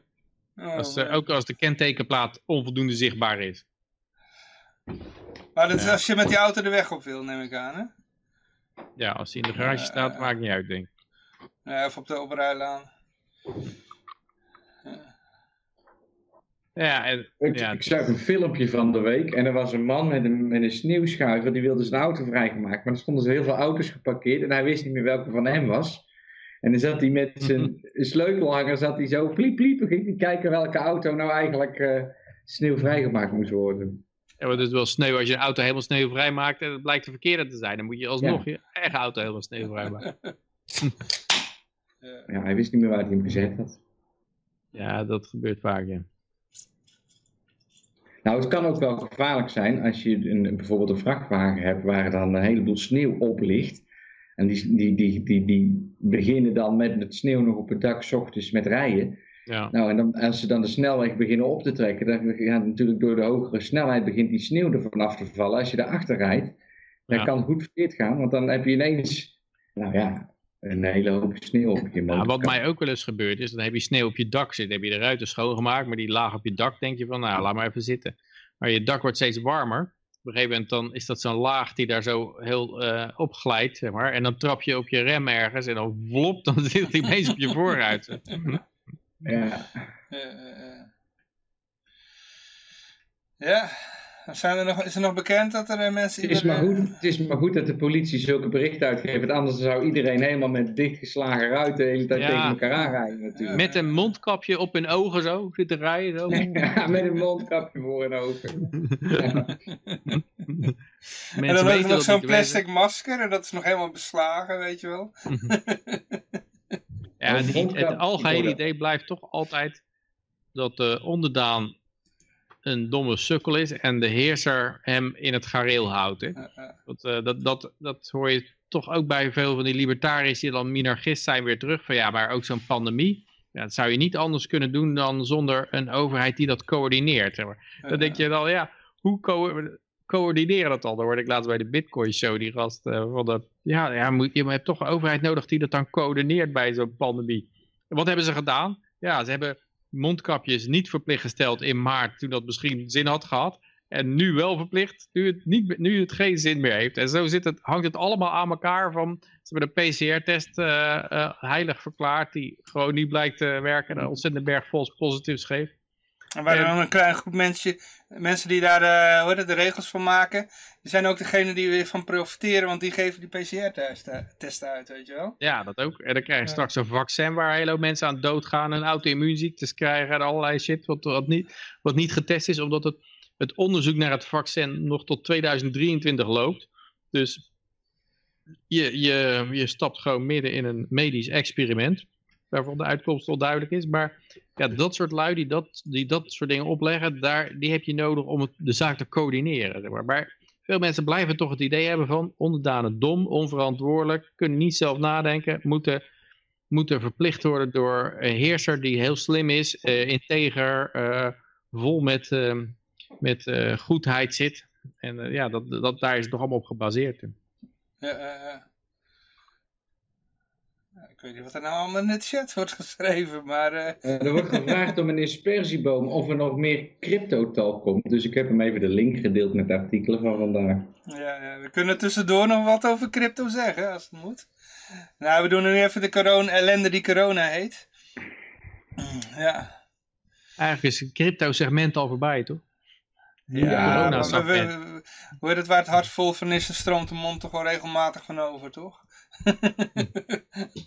Ook tussendoor. Ja, Mijn mond sluit o- s- eh, stroomt over van de crypto. ja, eh, ja, het komt alleen niet uit de mondkapjes ervoor. eh. Ja.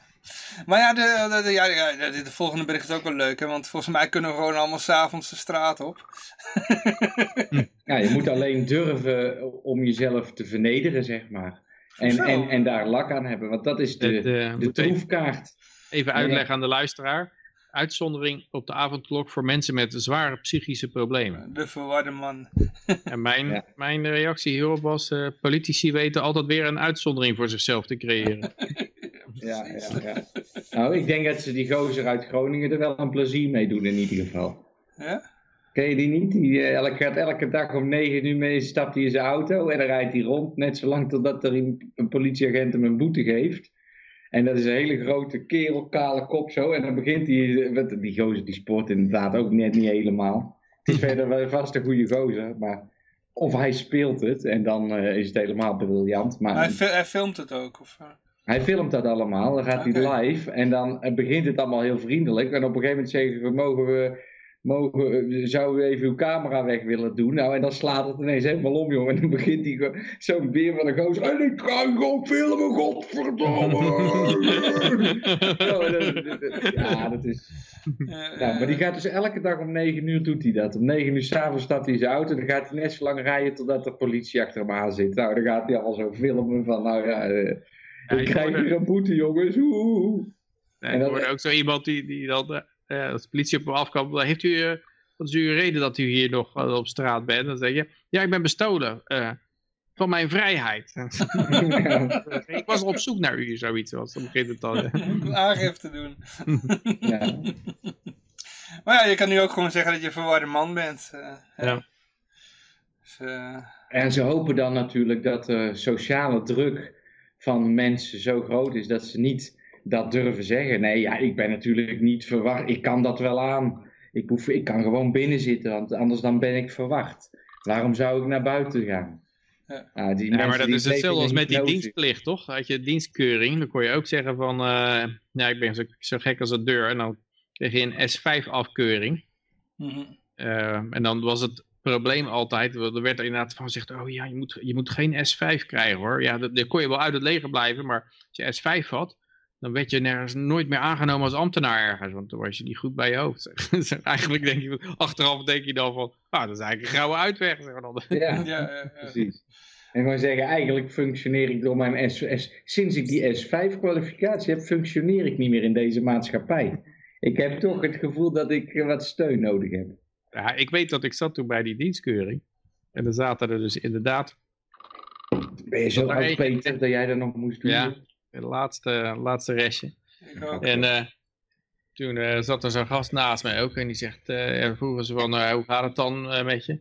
Zo'n zo'n intakegesprekje en die zei van, eh, ja, het gaat hartstikke goed, want eh, nou, ik ben weer helemaal van de drugs af en ik ben weer bezig een vriendenkring op te bouwen. en, en hij zat zichzelf de hemel in te praten, maar ondertussen weet hij gewoon, ja, je kan wel weggaan. Dat was... en er was een andere gast ook. Die Hè? zei, Hoezo? Hoezo? Zo dan. Inderdaad, dat was op zich wel een aparte belevenis. Dan hadden ze ook zo, vroegen ze van, eh, ja, eh, mensen die eh, MAVO en, of HAVO en hoger hebben, die, eh, ehm, ja, die moeten dan daarheen en de rest daarheen of zo. eh. En toen was er één Dat zo'n de gast, Santa's. ja, en die zei van, eh, ja, ik heb helemaal geen opleiding. Ik heb, ik, heb L- ik heb LGBTQ heb ik gestudeerd.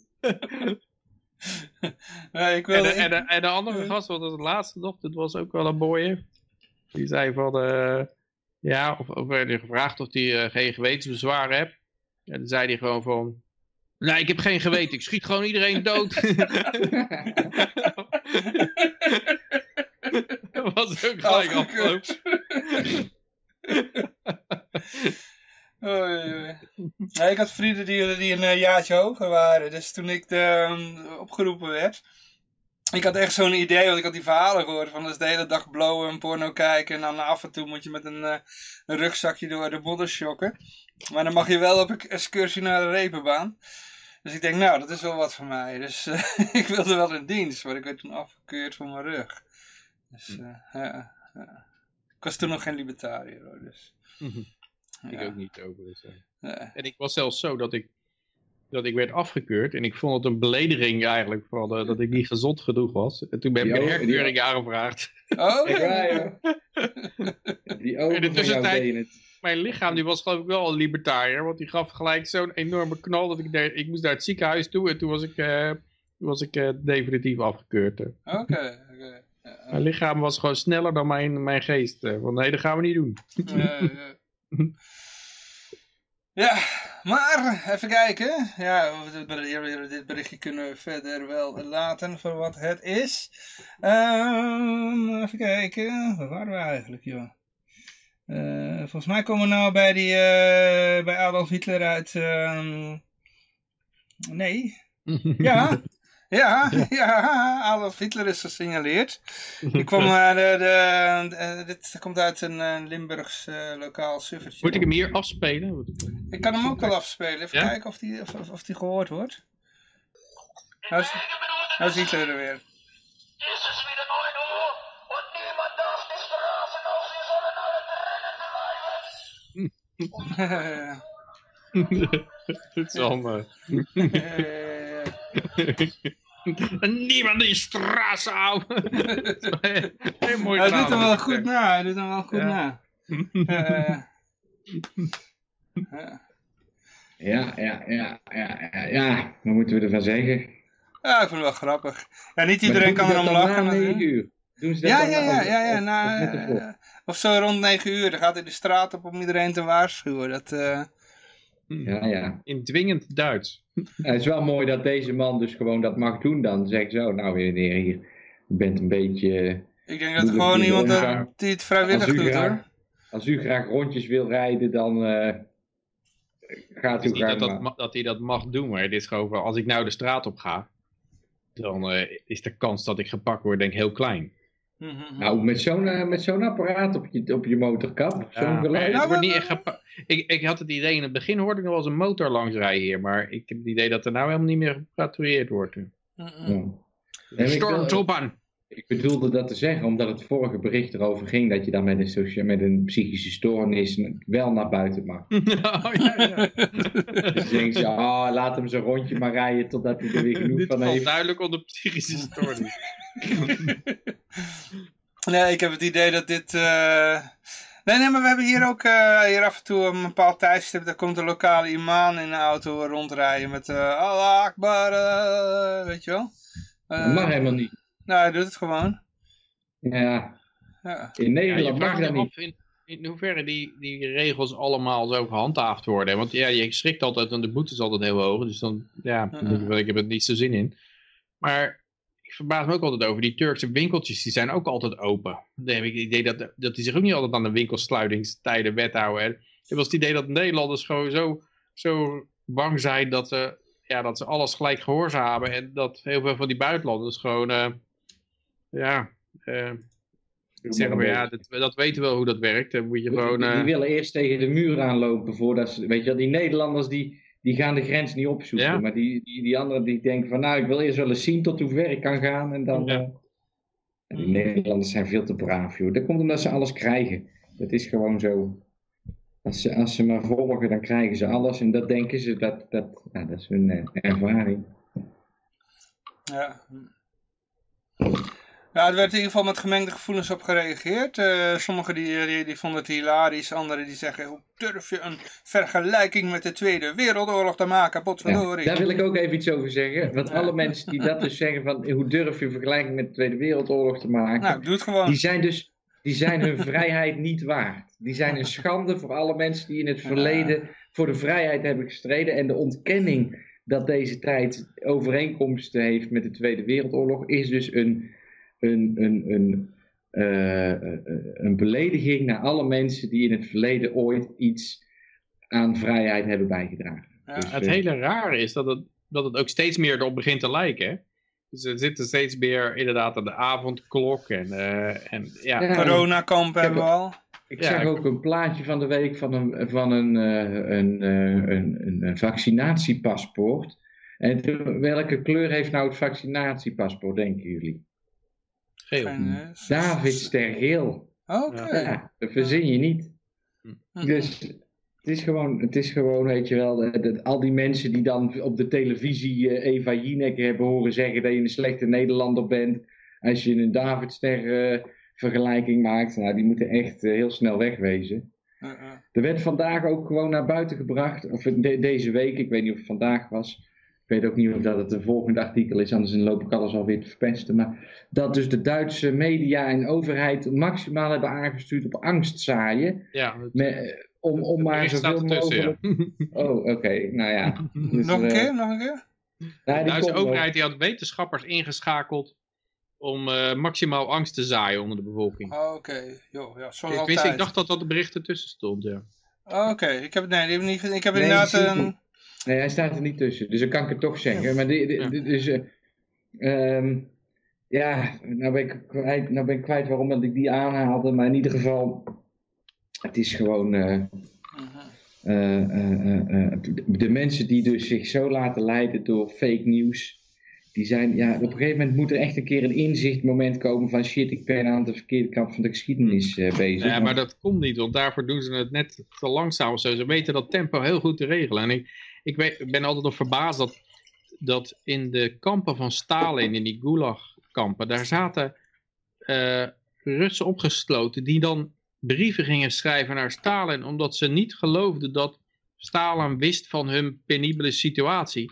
En ze dachten dat dat dan iemand om hem heen was die dat gedaan had. Maar het was onmogelijk dat vadertje Stalin, dat hij dat hij wist dat zij, dan ging ze een petitie schrijven op een brief of zo. En het is, ik denk dat als, als, als wij ooit nog in een, in een coronakamp komen te zitten, dat er nog mensen naast je te zitten die zeggen van, nou, nou, nou, ja, die vergelijking vind ik toch wel wat ver gaan, eh Ja, dat heb met, aan- eh, en dan heb je, heb zes wachttorens, dan zeg je van, ja, maar er staan zes wachttorens met schijnwerpers en gewapende mitrailleurs, eh, soldaten om ons, om ons heen. en Zo zeg, ja, oké, maar het zijn maar drie wachttorens of zo. En, en, en eh, als Nee, het er dan nou je- zes waren, dan... dan eh, zeg je van nee, het ligt aan de burgemeester, want Rutte kan er niks aan doen. Maar het Ja. komt Zoiets, omdat, ja. ik, omdat ik zo'n vervelende burgemeester heb.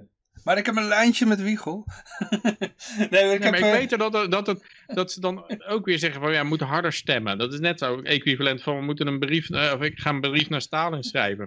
Eh, het is gewoon, die mensen die blijven maar ja, ten koste van alles nuanceren en, eh, en vergoeilijken en alles wegpraten. Ja, maar dit is, het is maar tijdelijk, want het is, en het is maar de goede bedoelingen is het. En ja, het is altijd met, die, met, met belasting ook zo in diefstal. Ja, maar ze doen het met de beste, voor de beste doelen. En ze, ze hebben altijd Algemeen altijd excuses te maken ervoor. En zo ga je, ga je langzamerhand de avondklok excuses maken. eh, ja, ze- je, je glijdt gewoon helemaal af. Je mag maar drie sneeuwballen gooien. Nou, eh, daar kan je ook weer excuses voor maken. En, ja, het, eh, er was laatst een vrouw die, ging, die trok het niet meer. En die ging met, een, met haar kind met een bord op de zebrapad staan. En, en op dat bord stond, denk aan de kinderen. Dat was het enige. En daar had ze een foto van gemaakt van het protest. Dat ze op de zebra stond, denk aan de kinderen. En had ze op Facebook geplaatst of zo, op een social media. Kwam de politie op bezoek. Ja, we komen toch eens even een gesprekje maken, want eh, dat kan wel eens opruiend zijn wat u doet. En wat zij doet is natuurlijk niet opruiend, hè? dat gewoon eh, mensen in huis opsluiten, een avondklokken en zaken dicht doen. En eh, dat, dat is allemaal niet, op, niet opruiend. Nee, als iemand met een bord gaat staan, een onderdame een bord op, en, en een, een post van maakt, dat, dat, dat is opruiend. hè. Ik denk dat ze volgende week komen ze met het nieuwe outfit van de politie. En die is allemaal bruin, bruine outfit. En als je dan de vergelijking maakt met de Tweede Wereldoorlog, Ja, dat kan je echt niet doen. dat kan je echt niet maken. Trouwens, weet je wat de, de kleuren van de politieuniform in, eh, in China is? Ik zag toevallig foto's. Niet. Ja, ik, die hadden ook gewoon zwart-gele uniform aan. Wauw. Z- Zwart en alleen de hele Oh, bovenkant was En geel. cap. En cap. Nou ja, nee, het leek heel erg op het Nederlandse politieuniform. Zwart En en vorige cap. week wa- was er op 101 bars van BNN een rapper. En die Eh. ging toen ook, terwijl dat hij rapte, had hij ook een politiejack aan. Oké. En dan was de politie helemaal over de zeik. Want ja, nee, dat was een echt politiejack. En hoe komt die jongen daaraan? En dat mag hij niet hebben en bla bla bla. Ja. Het hangt toch alleen van de pet af. Hè? Dus was zo'n test gedaan van een- iemand die met een uniform aan de kant van de weg ging staan en mensen ging tot stilstand brengen. En dan ging hij steeds een onderdeel van zijn uniform uittrekken. Dus eh, niet meer de politiebroek. En dan stopten mensen nog steeds. En niet meer politieoverhemd, ook nog een politiejasje kon je ook nog uitdoen. Zolang je die pet maar ophield. Dus die die pet die is echt essentieel. In, Ja. eh, in, Daar zit het hele gezag zit in de pet. Zeg maar. Ja, ja, ja. Oké. ja, ja. Je kan gewoon in je naki staan, maar zolang Ja. je die pet op hebt.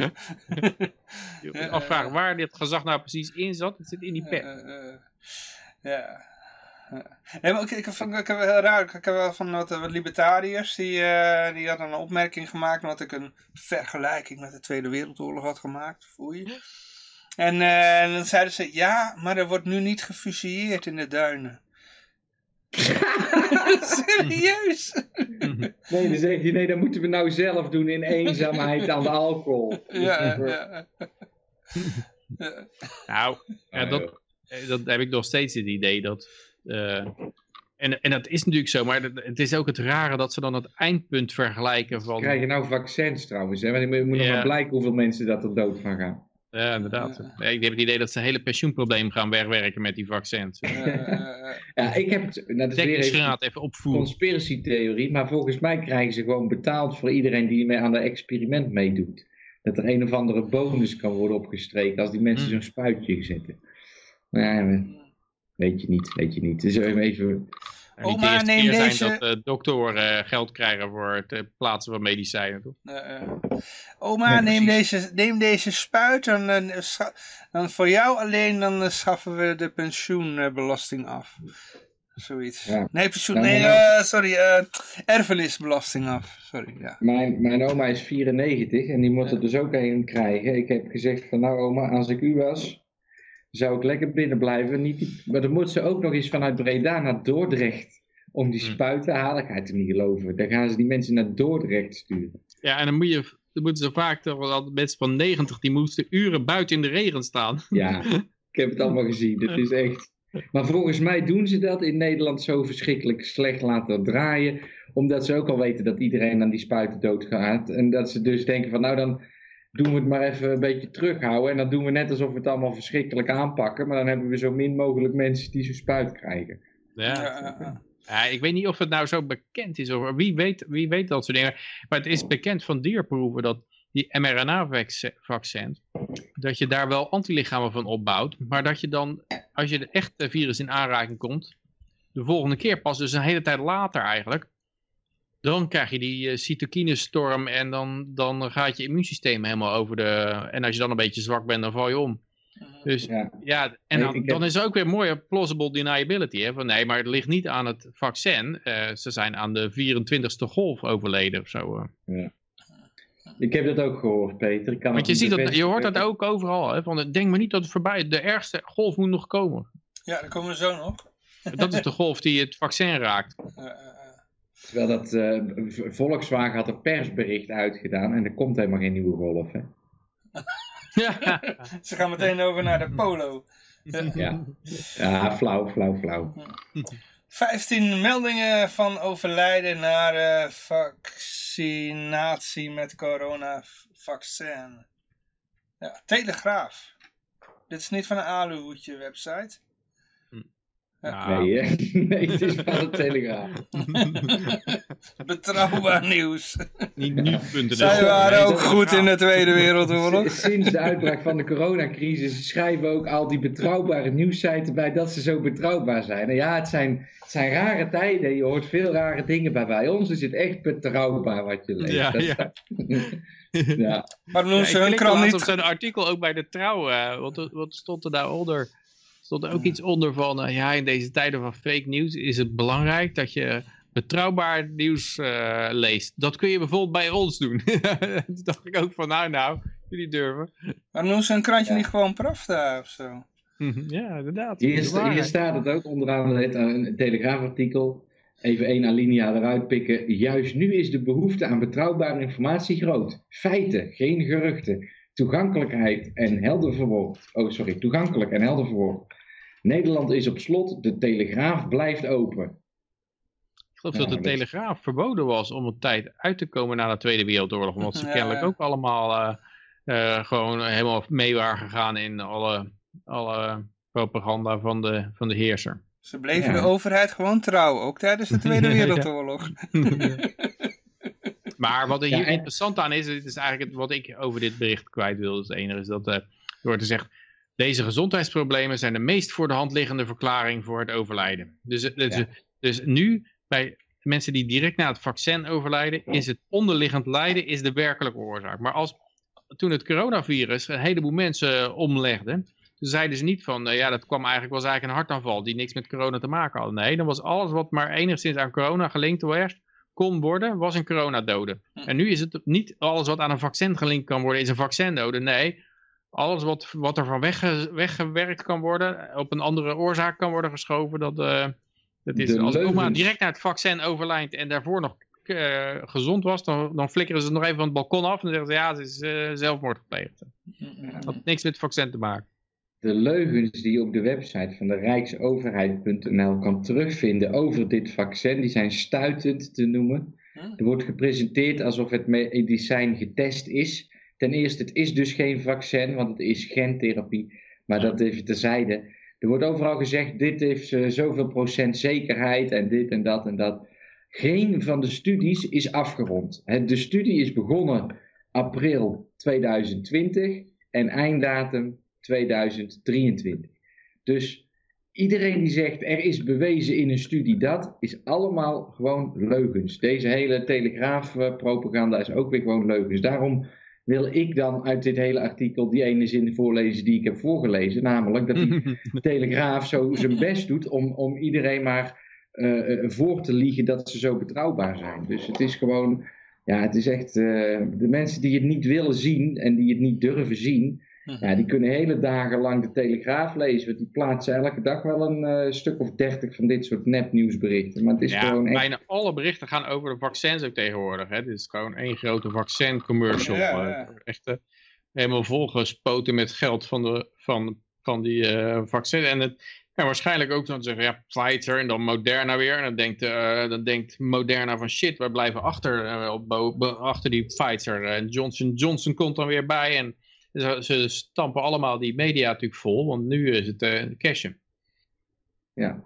ja, het is voor die ouderen is het zielig, want die worden gewoon, eh, het lood, die worden gewoon de pijp uitgeholpen. Of hoe zeg je dat? Ze, ze worden gewoon eh, snel doodgemaakt. Veel, flink veel stress, hele dagen shitberichten op televisie.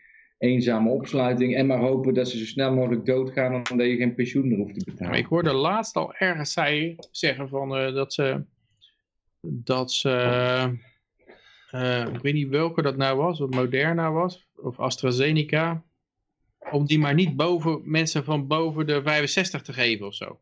Want Ja. ze kennelijk toch wel door hadden van, eh, ja, er gaan er een hele hoop kastje wijlen. Eh, misschien moeten we hele zwakke mensen bovenin, maar, maar niet laten doen. Maar ja, Hier hier, hier in Servië, overigens, heb je dus alle vaccins die maar te vinden zijn. Uit Rusland, uit, van Moderna, van al, alles is hier. Ehm, dus dat wilde ik ook nog even zeggen. Daar had ik verder niks. Ik zou zelf dus, als ik op een gegeven moment verplicht zou worden om zo'n ding te nemen, dan zou ik voor die Russische Sputnik-vaccin gaan. Want Hm. dat is in de traditionele zin van het woord een vaccin. En die andere, dat zijn dus allemaal nieuwe technieken met eh, messenger-RNA.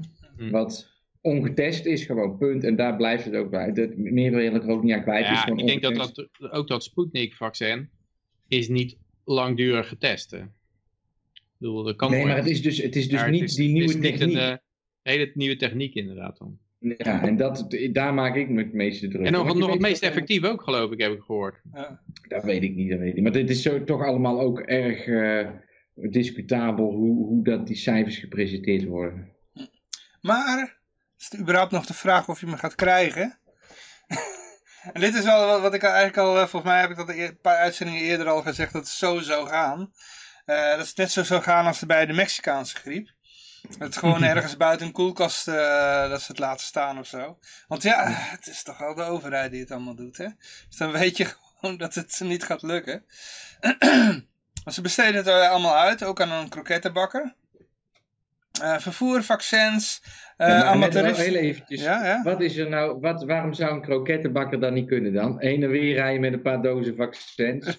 ja. Net bij de de- die krokettenbakker die, zo. eh, mRNA-vaccins, die moeten geloof ik gekoeld worden tot min 273 graden of zo. Die echt. Nee, min 70 Celsius. Ah, ik denk dat het was. In ieder geval eh, vervoer, vaccins, amateuristisch, gaat een beetje ver.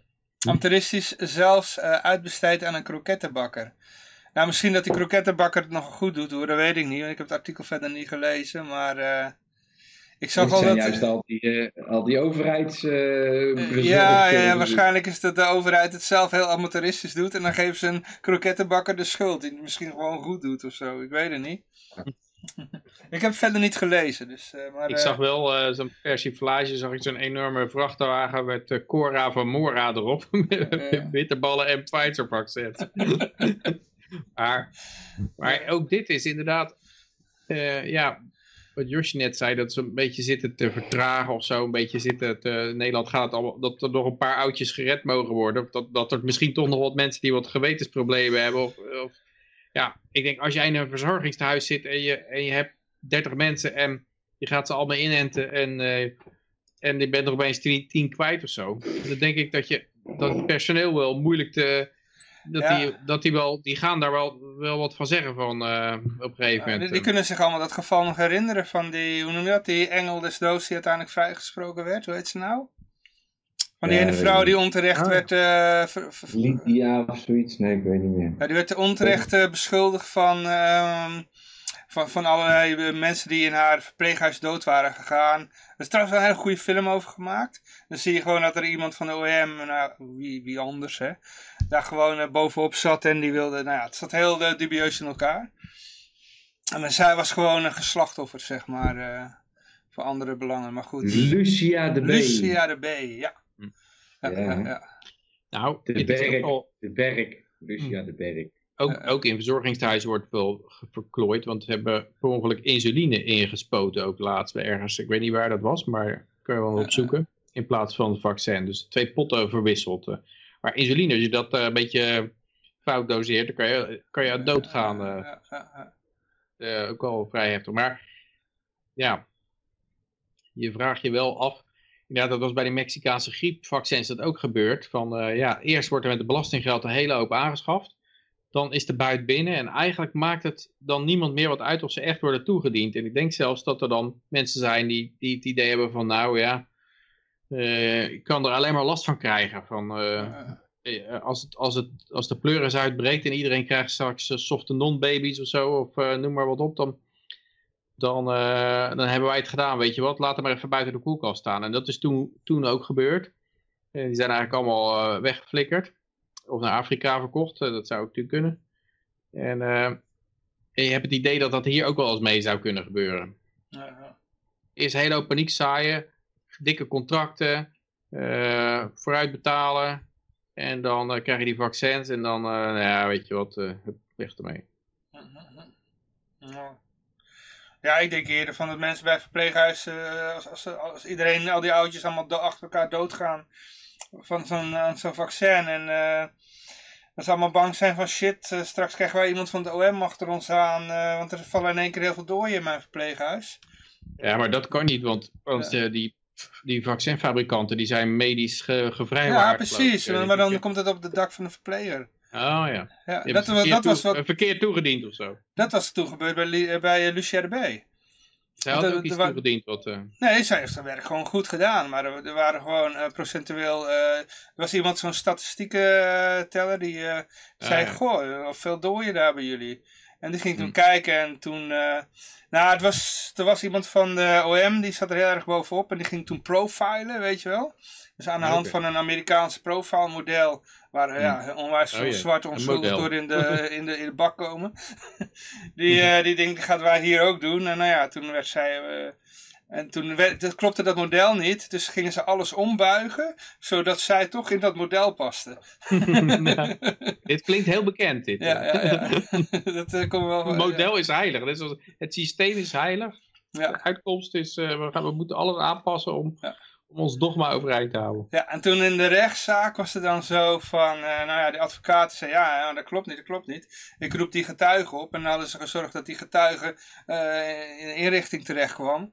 En nou ja, dan roepen we die op. Ja, en dan hadden ze ervoor gezorgd dat die er ook niet bij zou komen. Of hadden gezegd met terugwerkende kracht. Ja, maar dat is nu niet meer geldig. Terwijl daar het hele onderzoek op gebaseerd was. Ja, maar dat is nu niet meer van toepassing. Allemaal om te zorgen dat hun model maar klopte, weet je wel. Terwijl zij, ja, dat was gewoon hartstikke onschuldig natuurlijk. Eh, ja, goed. Maar ja, goed. Als iemand daar meer over wil weten, daar is genoeg over te vinden online. Ja. Dus ik denk dat er heel veel verplegers, ja, die, dat staat dat hun nog vers in het geheugen natuurlijk. Dat dat ook met hun kan gebeuren. Ja, Ja. en toch zijn de meeste mensen die zijn ordevolgers. Hè? Maar bij dit soort dingen is het, je weet met dat eh, verhaal van die schokken toedienen, hè? van eh, de Milgram-experiment. Dan, eh, je hebt een proefpersoon en die geeft gillen als er een schok wordt toegediend. En de proefpersoon die moet het voltage opvoeren. En de meesten die gaan gewoon tot de dood door. Als er maar iemand naast staat die zegt, nee, ik neem de verantwoordelijkheid. Nee, het is belangrijk voor het experiment. eh, het is belangrijk voor de pandemie dat het doorgaat. Dat is echt ontzettend belangrijk. eh. en dan denk ik dat er toch een hoop mensen zijn die, die Mhm. ja, Ja, we moeten protocollen volgen. Want zolang wij de protocollen volgen, dan zijn wij niet strafbaar eh, achteraf. Ja, nee, maar het is zelfs bij, bij medische hebben ze, ik weet in ieder geval in Amerika is dat zo, maar malpractice, van de, dus dat je aangeklaagd wordt als arts dat je, eh, dat je iemand eh, beschadigd hebt. Dat is alleen als je de protocollen niet gevolgd hebt. Maar als Ja. jij de protocollen gevolgd hebt en, en iemand is gewoon overleden en je hebt dat tien keer achter elkaar gedaan, zijn alle tien overleden. Jij bent niet schuldig zolang je maar de protocollen gevolgd hebt. Ja. Maar, eh, eh, en als jij de protocollen niet volgt, maar iemand wordt beter, dan ben je wel strafbaar. Dan kan je wel aangeklaagd worden, want je hebt de protocollen niet gevolgd. Dus het ene gaat over om of je de protocollen gevolgd hebt of ja, niet. ja, ja, klopt. Dan loopt iemand nog zo te gillen van de pijn. Ja. ook protocollen gevolgd. Ja, ja, ja. Ehm, ja, even kijken. Wat, we hadden hier, wat hadden we nog hier iets over te zeggen? Want ja, we hebben verder nog niet over de inhoud gehad, hè? alleen over de kop. Nee, er was in ieder geval dat eh, het was zo door elkaar geschud dat ze ze weg moesten je. En was, wie was de, degene die het Dat was gedaan de had? krokettenleverancier. Ah, oké, oké. Misschien was dat iemand met geweten. Die denkt, laat, laten wij gewoon erop inschrijven en dan kunnen we Laat mij hoop... maar allemaal vervoeren en dan bij je, hup, flikker allemaal weg. Zijn net als Schindler in Schindler's List, weet je Ja. ja, ja, Mensen die levens aan het redden zijn. ja, ja. Dus, eh, ja, goed. En ja, dan komen we even kijken hoor. Oeh, dan komen we bij Bill Gates. Ja. Je weet wel, de man die eh, ooit dat, dat eh, bekende besturingssysteem maakt, dat eh, vooral bekend is vanwege het blauwe, het blauwe scherm. Dat? Die zegt, Bill Gates waarschuwt dat de volgende pandemic tien keer zo erg kan zijn. En hij heeft daarbij in zijn hand een soort eh volleybalachtige virus met, met van die rode uitsteeksels eraan. Om het duidelijk te maken aan de, aan de Mongolen dat eh, dit is een virus. zeg maar. En ja, ik denk ja, dat eh, ja, dit soort voorspellingen is natuurlijk altijd vrij zinloos, tenzij je er zelf aan meewerkt. Maar ik weet wel dat er na 9-11 hadden ze tien van die generaals op een rijtje gezet. En toen vroegen ze van, Ja, wat denkt u nou dat de kans is dat er nog zo'n aanslag komt eh, op het Amerikaanse homeland? En die eerste die zegt, eh, nou ja, ik denk eh 100%. En dan ging er de volgende toe. Ja, ik denk ook 100%. Die, die gingen er allemaal, gingen ze erin mee. Hè? Waar, waar je denkt van, nou ja, waarom moet je er tien aannemen als ze toch allemaal hetzelfde zeggen? En, eh, maar er gebeurde natuurlijk binnen dat jaar helemaal niks. Ja, dus, eh, maar mensen extrapoleren graag. Dus als, als het een echte voorspelling is, denk ik, daar hoef je niet veel waarde aan te hechten. Maar ja, als, je, als het waar is met dat vaccin, dat, of dat, dat nep, eh, dat mRNA-toestand, dat jij, als je er echt met het virus in aanraking komt, eh, gelijk onderuit gaat. En dat is bij die dierenproeven met fretten gebleken. of minks, minkdieren. Dat, eh, en dat was ook laatst in Denemarken hebben ze een heleboel minks doodgemaakt. Omdat er een nieuwe variant zou zijn gekomen. Maar ja, het idee is dat als jij die, die beesten inenten met dat mRNA-vaccin. Dat, en ze krijgen daarna het echte virus eh, langs. Dan gaan ze helemaal eh kastje. Dus ja, als, dan kunnen ze zeggen, ja, de volgende keer, de volgende laag is tien keer zo erg. eh, omdat ze al weten dat dat, dat dat het geval gaat zijn. Ja. Kan het ook niet Ja, gewoon een aan de beetje... andere kant, het kan ook gewoon zijn dat Bill Gates, dat dat iemand is die eh, de beste bedoelingen heeft, alleen omdat hij zo, ja, omdat al die lui die, die eh, ja, heel veel geld hebben en liefdadigheid gaan doen, die gaan allemaal hun stomme ideeën doorvoeren. En Bill Gates heeft toevallig een heleboel stomme ideeën. Een ander stomme idee is om de zon te verduisteren. Dus ik ben benieuwd eh, hoe koud het dan was geweest. eh. Maar ja, dat staat ook nog op het programma voor. Maar je hoopt maar dat hij al zijn geld in, in Dogecoin gooit in de top of zo. Oh ja, ik let, ik let nog op man, ik let nog op. Nee, ik, heb, ik, heb even, ik heb even een chatje. Een chat, Josje even jullie- wakker te schudden. Ja, nee, hadden jullie vast al in de gaten. Ik krijg hier een berichtje. Krijg Maar het is niet onze chat dan, denk ik, hè? Wel. Nee, het is niet jullie chat. Nee, Nee, nee, het is weer een andere. Ja. Nou ja, ik weet niet, ja, het is... eh ja, wat ik ook zeggen, ik kan ook niet gewoon een beetje angstzaaien zijn, want eh, oké, want hij verdient natuurlijk aan het vaccin, hè? ook al mag ik dat dan niet hardop zeggen, want dan krijg ik een Hm. melding van de fact-checkers dat dat niet zo is. Ja, maar dat is wel zo, heeft hij zelf Ja. gezegd. Dat die enorme return on investment van die eh, bedrijven. Eh, ja. Ik weet nooit of het nou... eh, ja, dat hij, een, dat- dat hij aan liefdadigheid doet, is toch ook wel algemeen bekend, dat dat gewoon belastingontwijking is. Ja, maar het is wel zo, er zit een patroon in. Als je kijkt naar de Rockefeller Foundation, dat Ja. zijn dan mensen die zijn heel rijk Daarbij kunnen ze ook invloed uitoefenen, En- hè, in al die foundations en zo. Ja, dat weet ik wel, maar... Ja. Maar op een gegeven moment zijn die organisaties altijd met de meest satanische shit bezig. Die zijn altijd de samenleving naar de kloot aan het helpen.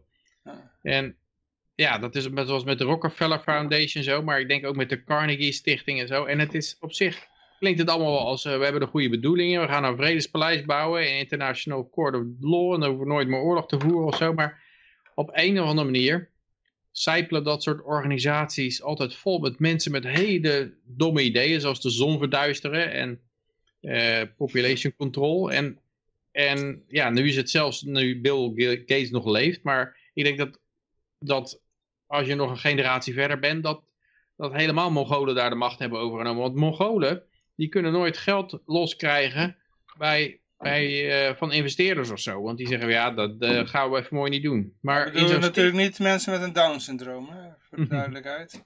Nee. Ja. En, eh, en die kunnen wel, als, die kunnen zich wel omhoog werken in zo'n liefdadigheidsorganisatie. En die, die liefdadigheid, die geven toch vaak geld uit aan dingen die niet winstgevend zijn. En dan komen ze vaak bij dit soort ja, megalomane, dwaze projecten uit.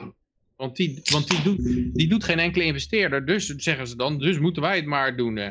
En, en één zo'n zo'n project is natuurlijk wat je in Duitsland hebt gehad ook, die energiewende, om alles met zonnepanelen en windmolens eh, te doen. En vandaag bijvoorbeeld moesten ze weer kolenstroom gaan inkopen, want de zonnepanelen lagen onder de sneeuw en het was windstil. en bij die storm konden ze ook niks doen, want dan staan ze ook stil. Ja. God, god, god. Ja. Dus het, het is meestal investeerders die willen ergens niet in investeren voor een reden. Daar is een, daar is een reden voor. Maar de, het enige wat die, wat die mensen in liefdadigheidsstichtingen en overheden altijd kunnen bedenken van... eh, ja, eh, die, investeerders zijn te gierig of zo. Of die eh, dit, dit laat de vrije markt liggen. En hier moeten wij inspringen om... om en dan krijg je van die plannen zoals Mao ook had. Van we gaan alle... ja, we hebben, jullie hebben honger omdat de vogels het rijst opeten. Dus we moeten alle spreeuwen gaan vermoorden. En dat ging die in de For Pests, ging die de Pest campaign, ging die Chinezen opdragen om alle spreeuwen te vermoorden. Wa- Wat ze ook gingen doen. En daar kwam, dan, en daar kwam daarna een enorme muggenplaag. Want die spreeuwen aten natuurlijk die muggen op. En dat is, dat, dit soort dingen gebeurt altijd met central planners. Die gaan altijd... eh, eh, want het begint natuurlijk met collectivisering van de landbouw. En dan raakt het voedsel op. En dat was bij Stalin ook zo. Die had ook eh landbouwcollectivisering, voedsel op. En dan gaat hij de Oekraïners de schuld geven. Van, ja, dat, die, die, die hoorden het voedsel. Die, hadden, die, die wilden het voedsel niet afgeven. Dus dan gaan we daar naartoe. En dan gaan die mensen helemaal doodhongeren. Maar Want dat ze- zei hij ook we nog om, eh, om te verbloemen dat hij in werkelijkheid stiekem al dat graan naar Du- aan Duitsland had gegeven. Mm. Ja. Mm. Dus, eh, Ja, dan ga je ze helemaal dood zitten hongeren daar. Om, eh, omdat je zeker weet dat ze, dat ze voedsel achterhouden. En dat is ook een mooi excuus naar je eigen bevolking. Van nou, we krijgen ze er wel onder. En, en met Mao gebeurde er eigenlijk ook zoiets. eh, ook geen voedselproductie meer. En dan ga je maar de spreeuwen de schuld geven. En, en er komt altijd een plan uit dat belachelijk is.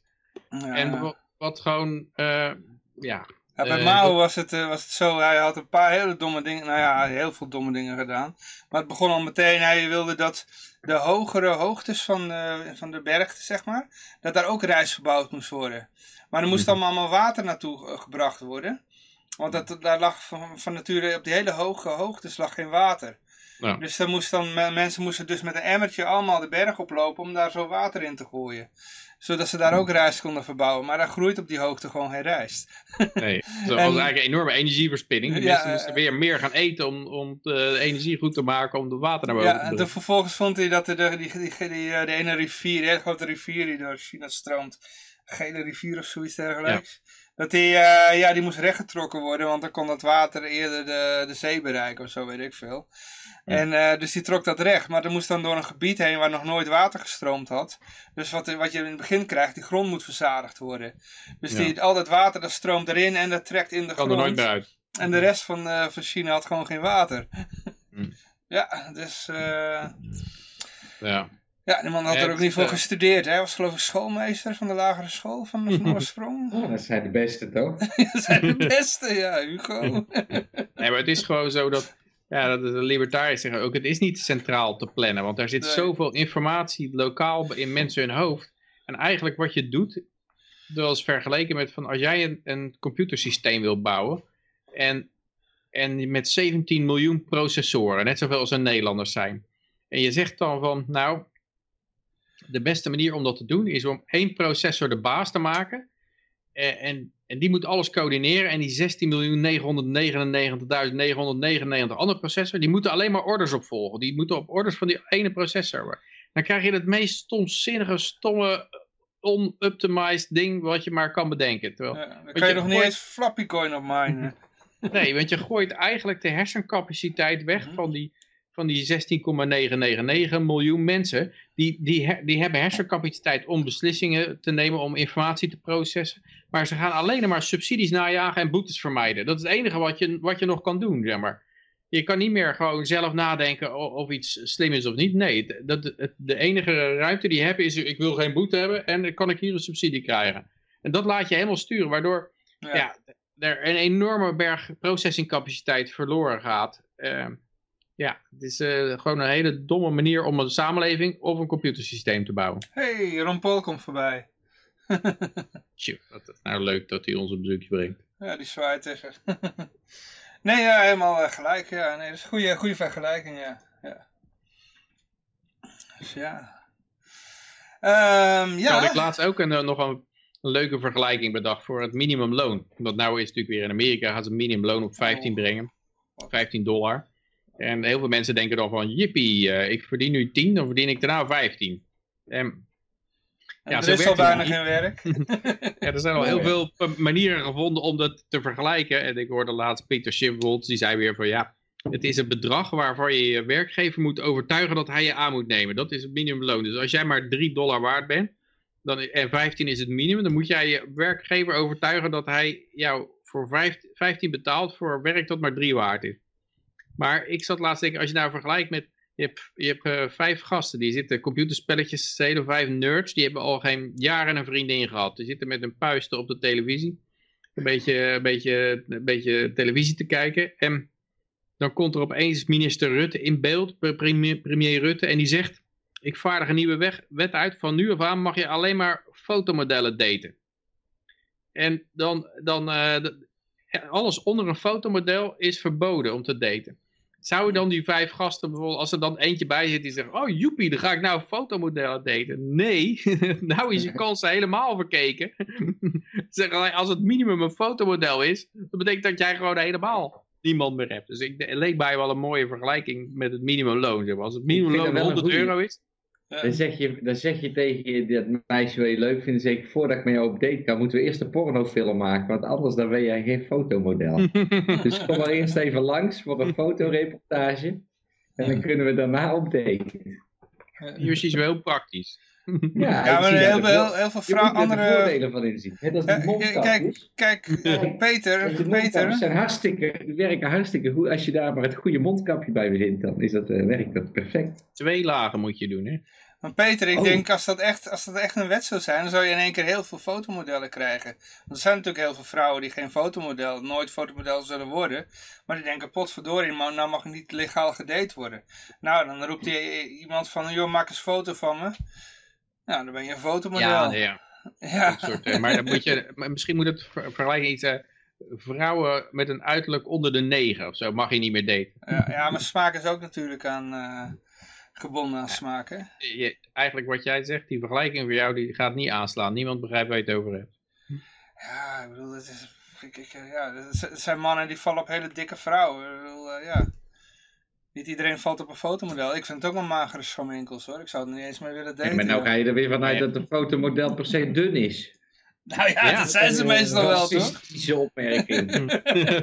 Heb je wel eens dat modellenprogramma gezien eh, op tv? Ik heb het toevallig één keer een Maar wat stukje moet ik dan gezien. zeggen? Nou, als, stel nou dat je, je kan geen, je kan geen eh, auto betalen. Je vijf gasten zitten op de bank, kunnen geen auto betalen. En dan komt de minister-president in beeld en zegt van nu af aan is de minimumauto een Rolls Royce. Dat, en, en dan zegt er een van jippie, eh, Rolls Royce. Toevallig, ik had vandaag met iemand erover dat op de Rolls Royce zit je op een, eh, een levenslange garantie van Rolls Royce. Die, die komt nog steeds jou helpen als je ergens met pech staat. En die ene zei, oh, en die, die ene die wilde juist geen elektronische auto. En die wilde al die, die, die, toeters en bellen hebben. Ik zei, nee, maar dat is een Rolls Royce.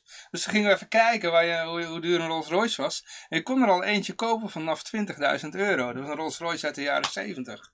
Helemaal mechanisch, niks elektronisch. Alleen de autoradio is elektronisch. Hm. Dus ja, ideaal. 20.000 euro. Ja, dus jij zegt ook, van, ook deze vergelijking, die eh, moet ik De wel een Lamborghini van maken. Lamborghini. Ja, eh, het is al Je mag alleen maar ergens eentje zijn. Minimum auto is een Lamborghini. Toevallig heb ik... Weer een uitzondering. Nee, nee, die heeft een Lamborghini te koop voor 20.000 euro. In Servië staat ergens een roestbak bij. Ja, of dat ze dan allemaal van die budgetversies gaan maken. Ja, nu een Lamborghini budget. Voor, Ja, eh, ja, ja. Ja, nee, ja, goed, nee, maar goed, we begrijpen de vergelijking. Ja, ja, ja. De vergelijking is dat je met een verbod niks opschiet eigenlijk. Nee, maar wat je wel krijgt aan de andere kant, zeg maar, is dat als een Nou, baas... heb je niet nog een, niet nog een vergelijking? Ik Nou, ik, ik, kan, ik, ik kan wel, kijk, de andere kant van het verhaal is dan, eh, het is niet zozeer dat de baas dan zegt van, maar vroeger moest je dan serveren voor, voor, voor 10 euro, en nu wordt het 15 euro, want dat is een minimumloon, en dan zegt hij, nou ja, goed, jij mag moet serveren, maar je moet ook de toiletten schoonmaken.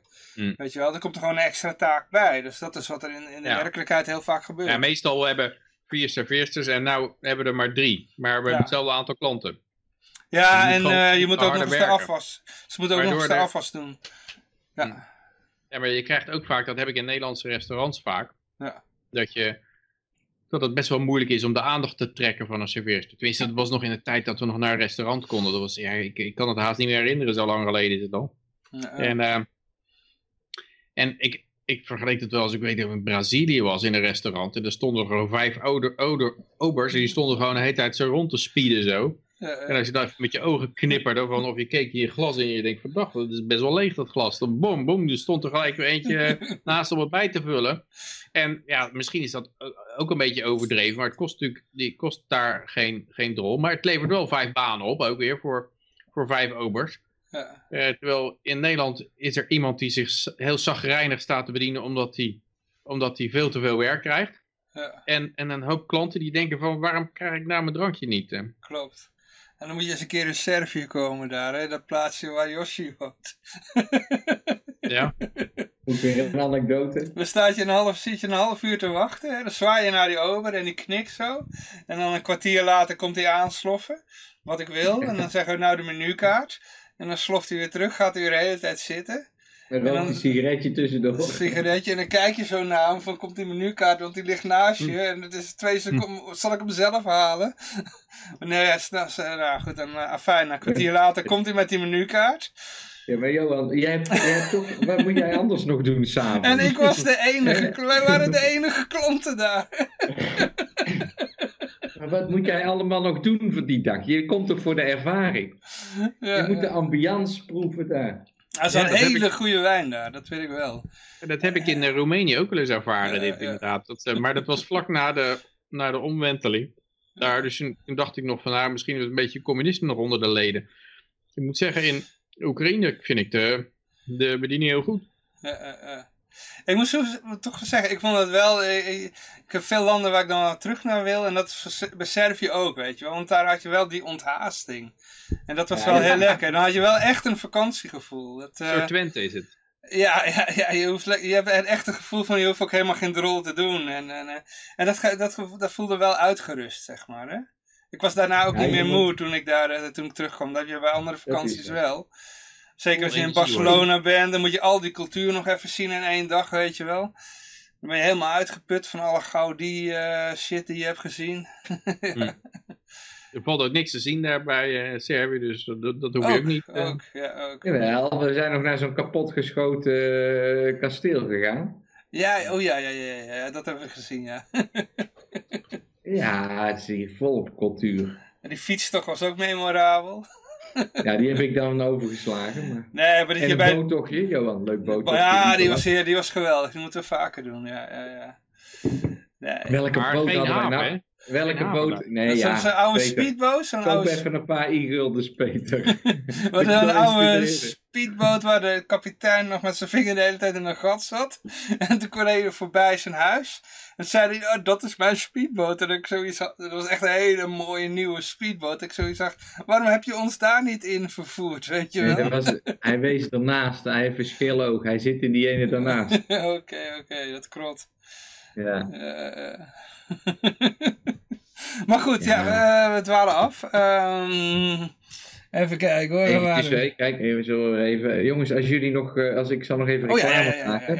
Als er nog iemand Liberland Merits wil eh, be- bemachtigen, dan kun je op dit moment via flipstarter.yoshilivo.com Ja. verkoop ik voor 25 bitcoin cash eh 20.000 Liberland Merits. En dan, nou ja, ik kan je niet beloven dat je een paspoort krijgt, maar dan heb je in ieder geval wel de punten die je nodig hebt om een paspoort te krijgen. Ja, ja, ja. Je, moet, je moet aan een aantal voorwaarden nog voldoen. Dat je geen strafblad hebt. Nou, dat wordt dit, dit, deze, Persona non grata zijn. Ja, dat je, dat je dus niet stemt. Je wilt nooit stemmen, dat moet er nog bij. En dat je af en toe. eh, nee. ja, als je democratie zat bent, dan moet je echt naar Lieberland gaan. Die helpt je Ja, er heel- helemaal vanaf. Heel verfrissende kijk op de toekomst. We gaan het allemaal anders doen. Ja. Maar dat Nou, wordt nu wel een beetje lastig. Want, eh, Als het nou niet verkoopt, als het nou niet verkoopt, die punten van mij, dan weet ik het niet meer.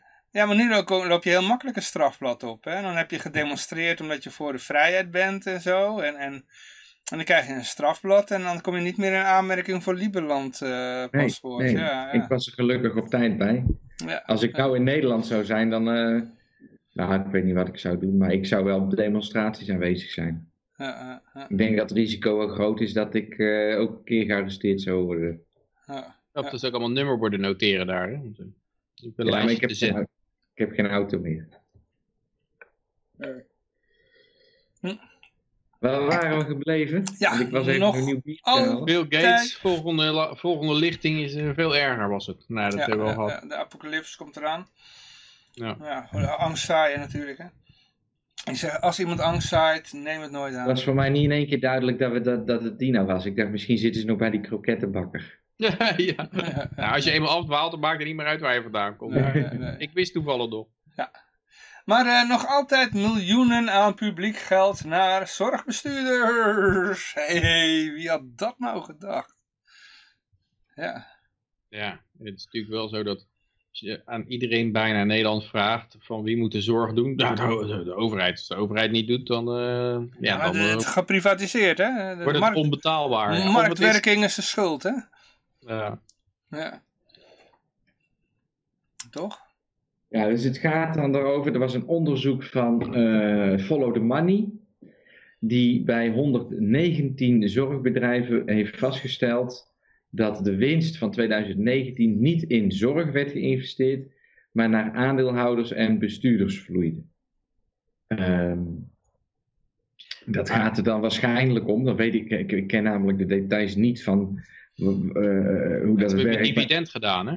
Nee, maar Dus, eh, ik- het, die, waarschijnlijk ontvangen die bedrijven een soort subsidie voor hun werkzaamheden. En er zullen wel voorwaarden aan zitten dat dat dus niet, dat dat, laat ik het anders zeggen, dat het dus wel in de zorg geïnvesteerd moet worden.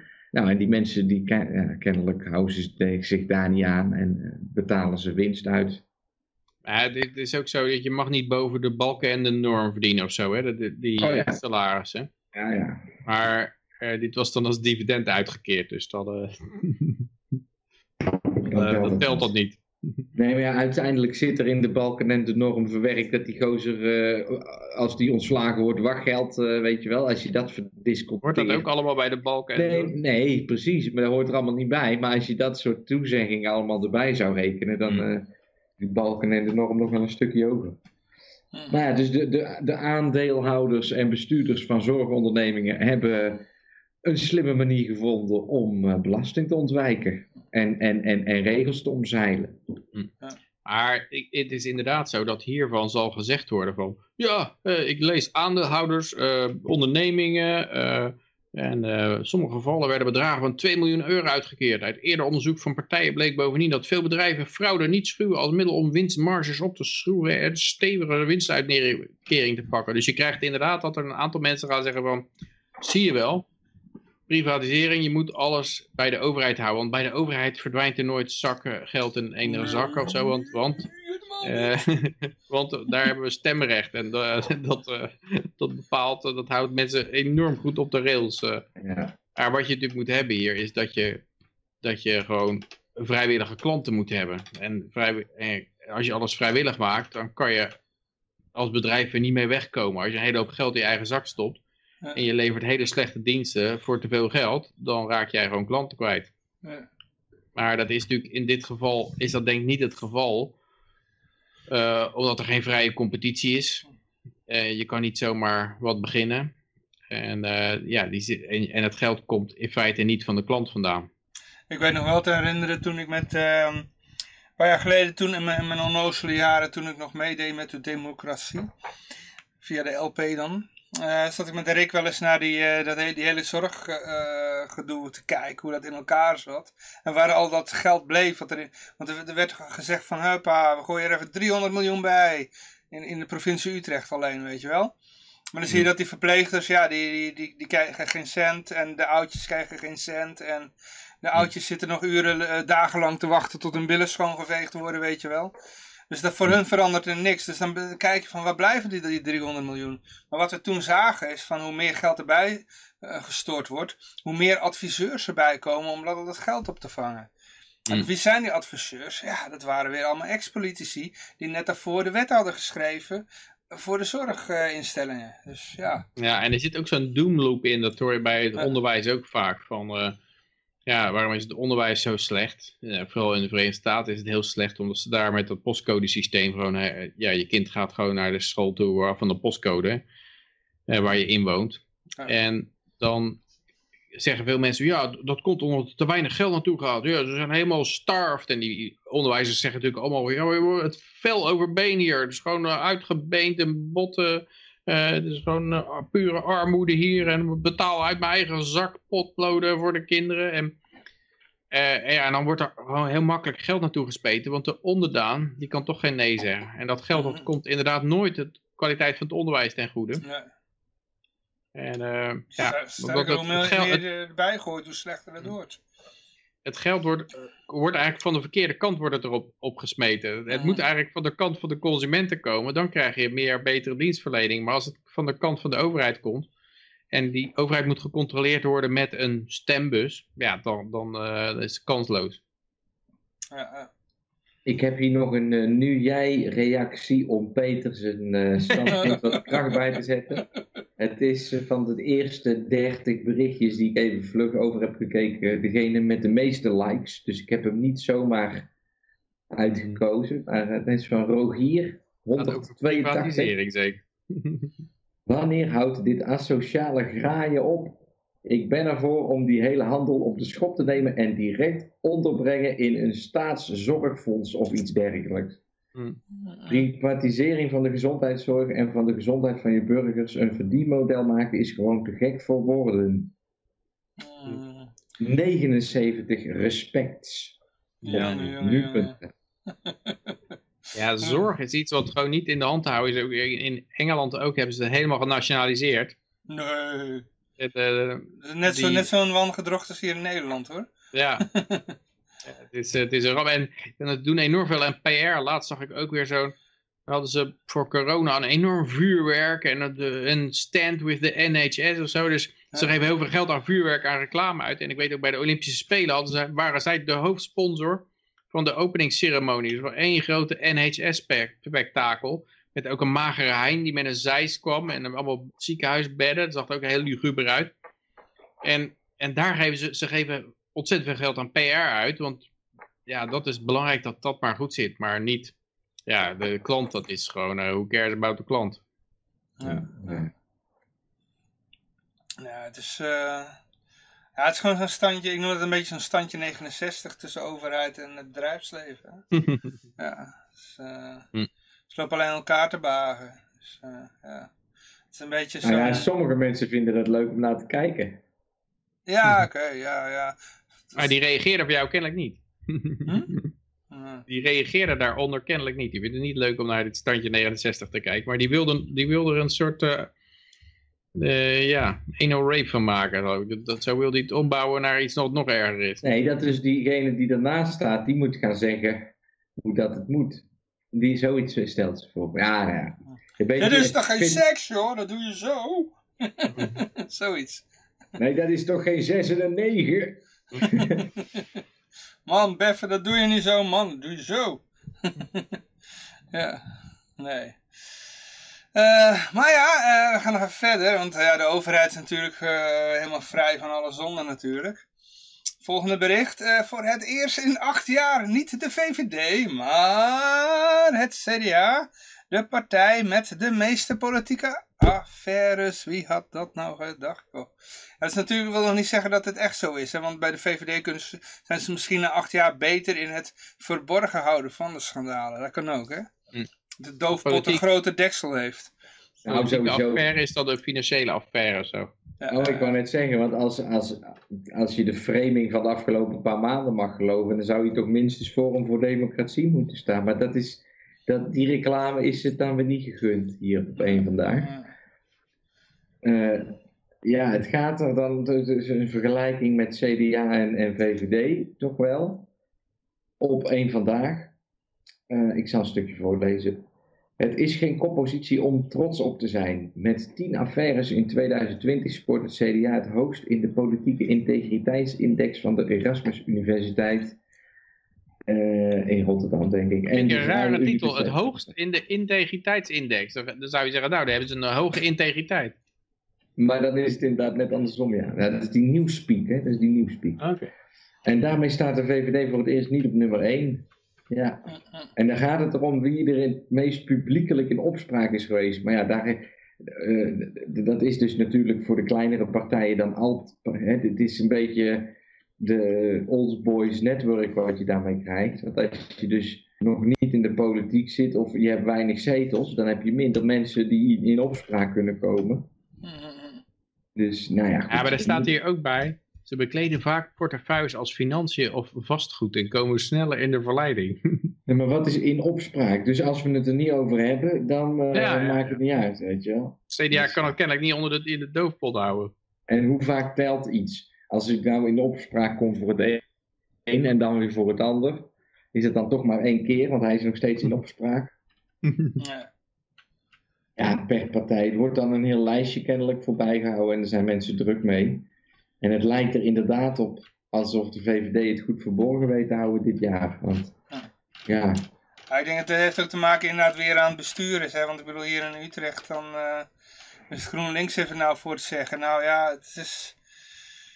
eh, we hebben het wel vaker over gehad. Als je, je, je, hoeft maar erg, je hoeft maar even te googlen op eh, provincie of gemeente Utrecht aan ambtenaar. En je komt altijd een, een schandaaltje tegen, weet je wel. En dat is dan nog maar de, de, de topje van de ijsberg. Dus daar, als, je, als je daar langskomt en je hoeft maar een steen op te tillen, dan krioelt het alweer van de corruptie daar. Dus eh, ja, dat is dan eh, GroenLinks. Maar ja, als je dan eh, de volgende keer PvdA weer aan de macht is, dan is het hetzelfde verhaaltje. Dan krioelt het ook al net zoveel van de corruptie. En ik vraag me af wat er dan gebeurt als, als de Libertarische Partij aan de macht is. Hm. Zo, ja.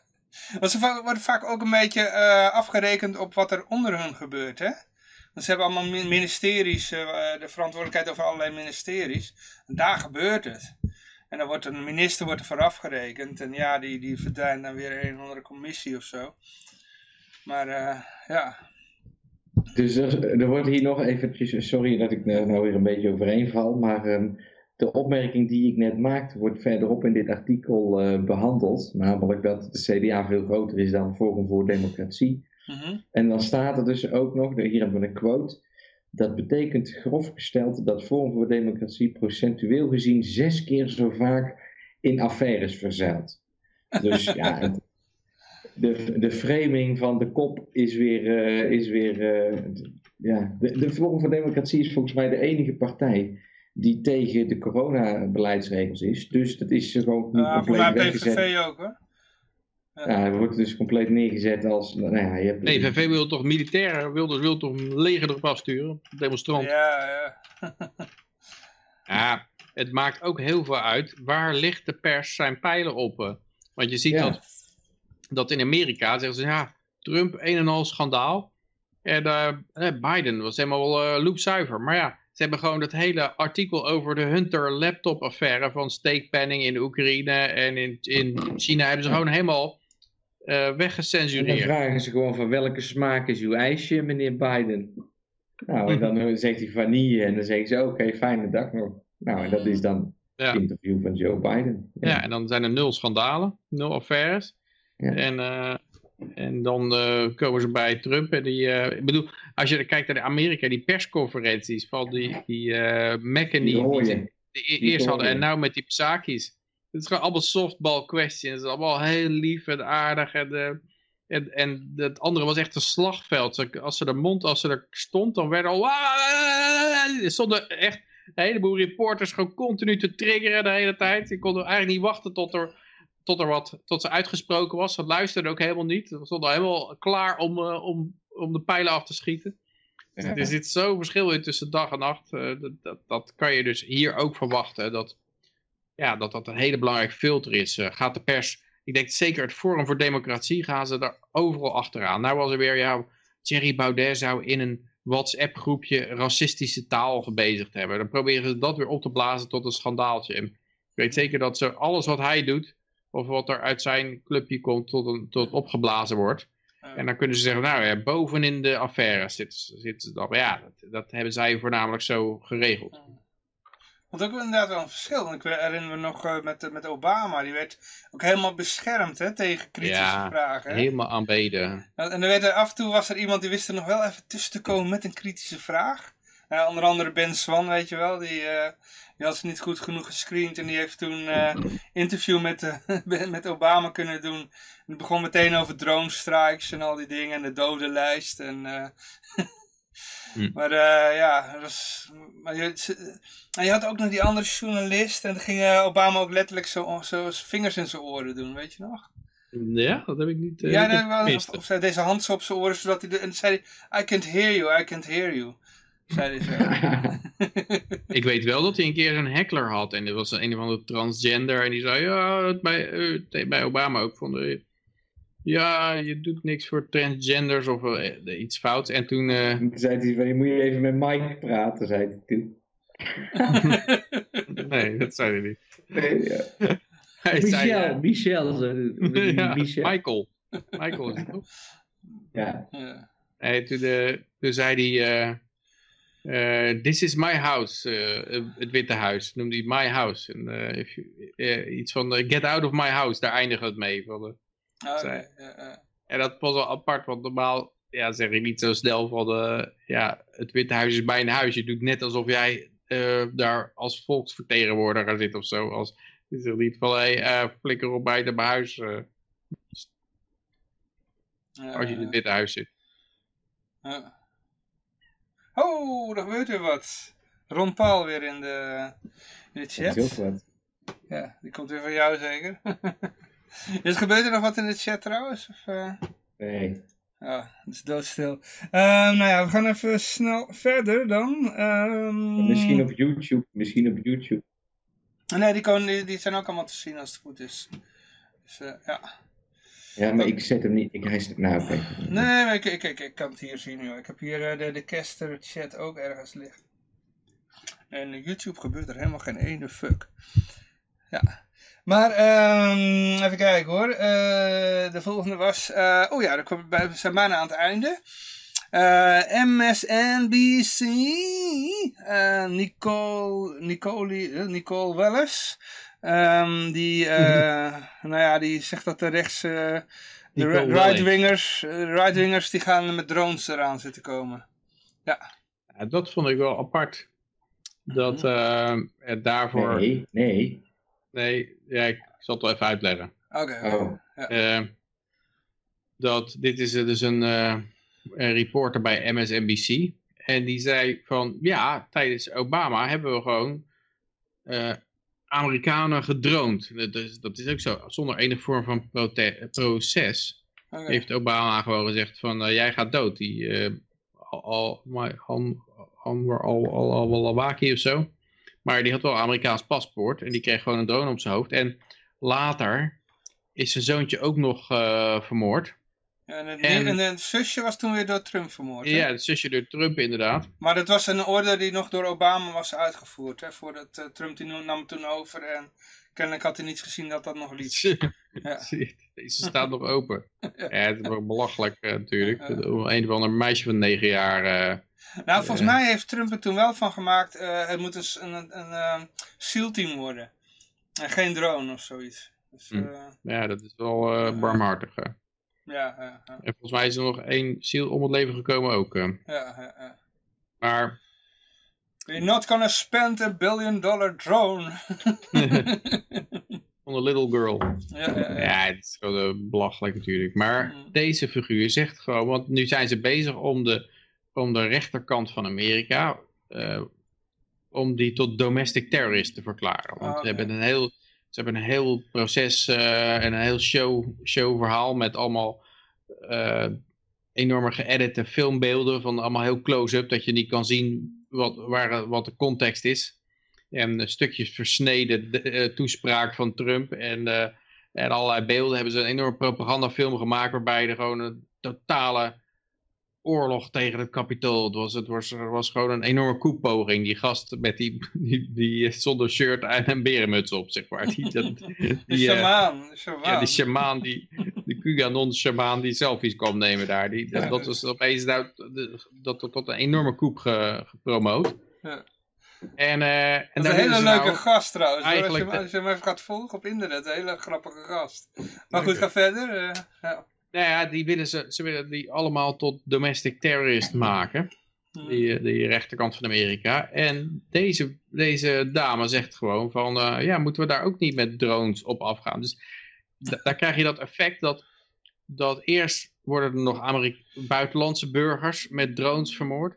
Dan worden er Amerikaanse burgers in het buitenland met drones vermoord. En dan worden er waarschijnlijk Amerikaanse burgers in Amerika met drones vermoord. Want je, je krijgt dat verhaal van Caesar die crossed the Ru- Rubicon. Het verhaal was altijd in het Romeinse Rijk dat je geen staande leger eh, binnen het Romeinse Rijk mocht hebben. Je mocht buiten in Gallië en in, Germanië mocht je moorden en verkrachten dat het een lieve lust was. Maar eh, je leger moest wel eh, ontwapenen als ze Italië binnenkwamen. En eh, toen Caesar, die kwam gewoon het leger over de Rubicon. En dat was eigenlijk zo van, oké, nu is het een burgeroorlog. Want dat, dat was niet de afspraak. En, en dat geweld dat je in het buitenland, dat een overheid in het buitenland gebruikt, dat gaat gewoon altijd naar huis komen. Want, want als jij denkt dat geweld de beste manier is om problemen op te lossen, dan waarom zou dat alleen in het buitenland de beste manier zijn om problemen op te lossen? Waarom zou je dat ook niet in het binnenland doen dan? En dat zie je dan hier gebeuren. Ja, als die drones goed werken in het buitenland, ja, kunnen we ook net zo goed die drones gebruiken in Amerika. Dan vielen geloof ik gemiddeld... Nou, het was een periode dat gemiddeld 36... eh, voor iedere terrorist eh, 36 eh, omstanders eh, dood eh, neer- neervielen bij een drone strike. Op een gegeven moment heeft het al pieken gehad tot 50. Dus, Ja, Ja. en dan hadden ze nog die double taps, hè, dat, dat je schoot op een begrafenis of zo. En dan wachtte je tot de hulpverlening kwam om... eh, nog een keer te schieten. En dan nog een keer erop knallen, dan had je die ook te pakken. En dan werden ze allemaal postuum nog tot terrorist verklaard, hè? Ook zelfs Ja, als het een ongeboren baby was. Ja, het was op een gegeven moment hadden ze zo gedefinieerd dat alles wat mannelijk was en, eh, en in een straal van hun exploderende bommen, dat was een terrorist per definitie. Eh. Dan konden ze het aantal burgerslachtoffers verminderen. Dus in Amerika, dus dan zit jij als een right-winger. Nou ja, als de gemiddelde Amerikaan dat weet en die weet, hé, hey, dat is die gast met die, eh, die bij die Capitoolrellen, met die hoorns op, eh, weet je wel. Mhm. Die gast die komt nou onze kroeg binnenlopen. Iedereen rent dan de kroeg uit, weet je wel. dan wil je hem ook niet meer in een kroeg hebben. Ja, Want je weet, die kroeg kan gedroomd worden. ja, ja, inderdaad. Ja, en Ja, dat- hebben ze toch geen ayahuasca, dus die gozer die komt daar nooit. eh, eh.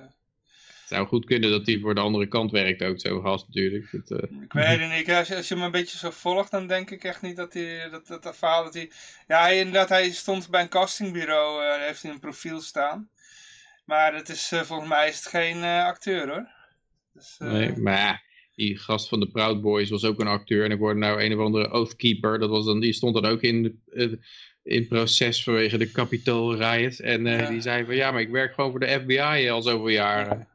dus, eh, ik heb het idee dat dat, dat, dat, dat gezoek naar extremisten, eh, extreemrechtsen, dat is weer, zo'n wanhopig iets van er zijn geen extreemrechtsen. En dan moet je ze maar, en, en er zitten, zijn allemaal politieinformanten die elkaar, eh, eh, met elkaar in een eh, zaaltje zitten. Zelfs Adam Kokers heeft een, eh, een, eh, een castingprofiel, hè. Hij heeft nog wat eh, rolletjes gedaan in Hollywood. Eh, Ik heb toen Hmm. bij het laatste keer dat hij bij ons was, had ik hem nog naar gevraagd. Want hij zou in de, een rolletje spelen in The Prey met die ene... eh, ah, hoe heet hij nou? Die, eh, die, die Mexicaan met een lelijk gezicht. Hoe heet hij nou? Die hele bekende acteur. Daar zou hij mee in een film spelen. Ja, het was een B-rol hoor, maar... maar ja, dat is heel, veel meer, heel veel Amerikanen hebben gewoon zo, dat als bijbaantje, weet je wel. Hollywood is gewoon groot. Grote werkgever. Ja, je kan altijd een profieletje aanmaken, je weet Ja. nooit. Ja. Dat zal het idee zijn erachter, denk ik. Ja, ja, ja. Dus, eh, Hij is trouwens wel uitgeknipt, Kokers. Uitgeknipt? Ja, ja, ja. En bij de laatste, bij de, de laatste Director's Cut hebben ze de scène waar hij Oh. in zat, is hij eruit geknipt. Ja. Dus, eh, hij was, speelde marinier. Ja, dat ligt, ligt hem wel. Ja, het heeft praktijkervaring. Ja.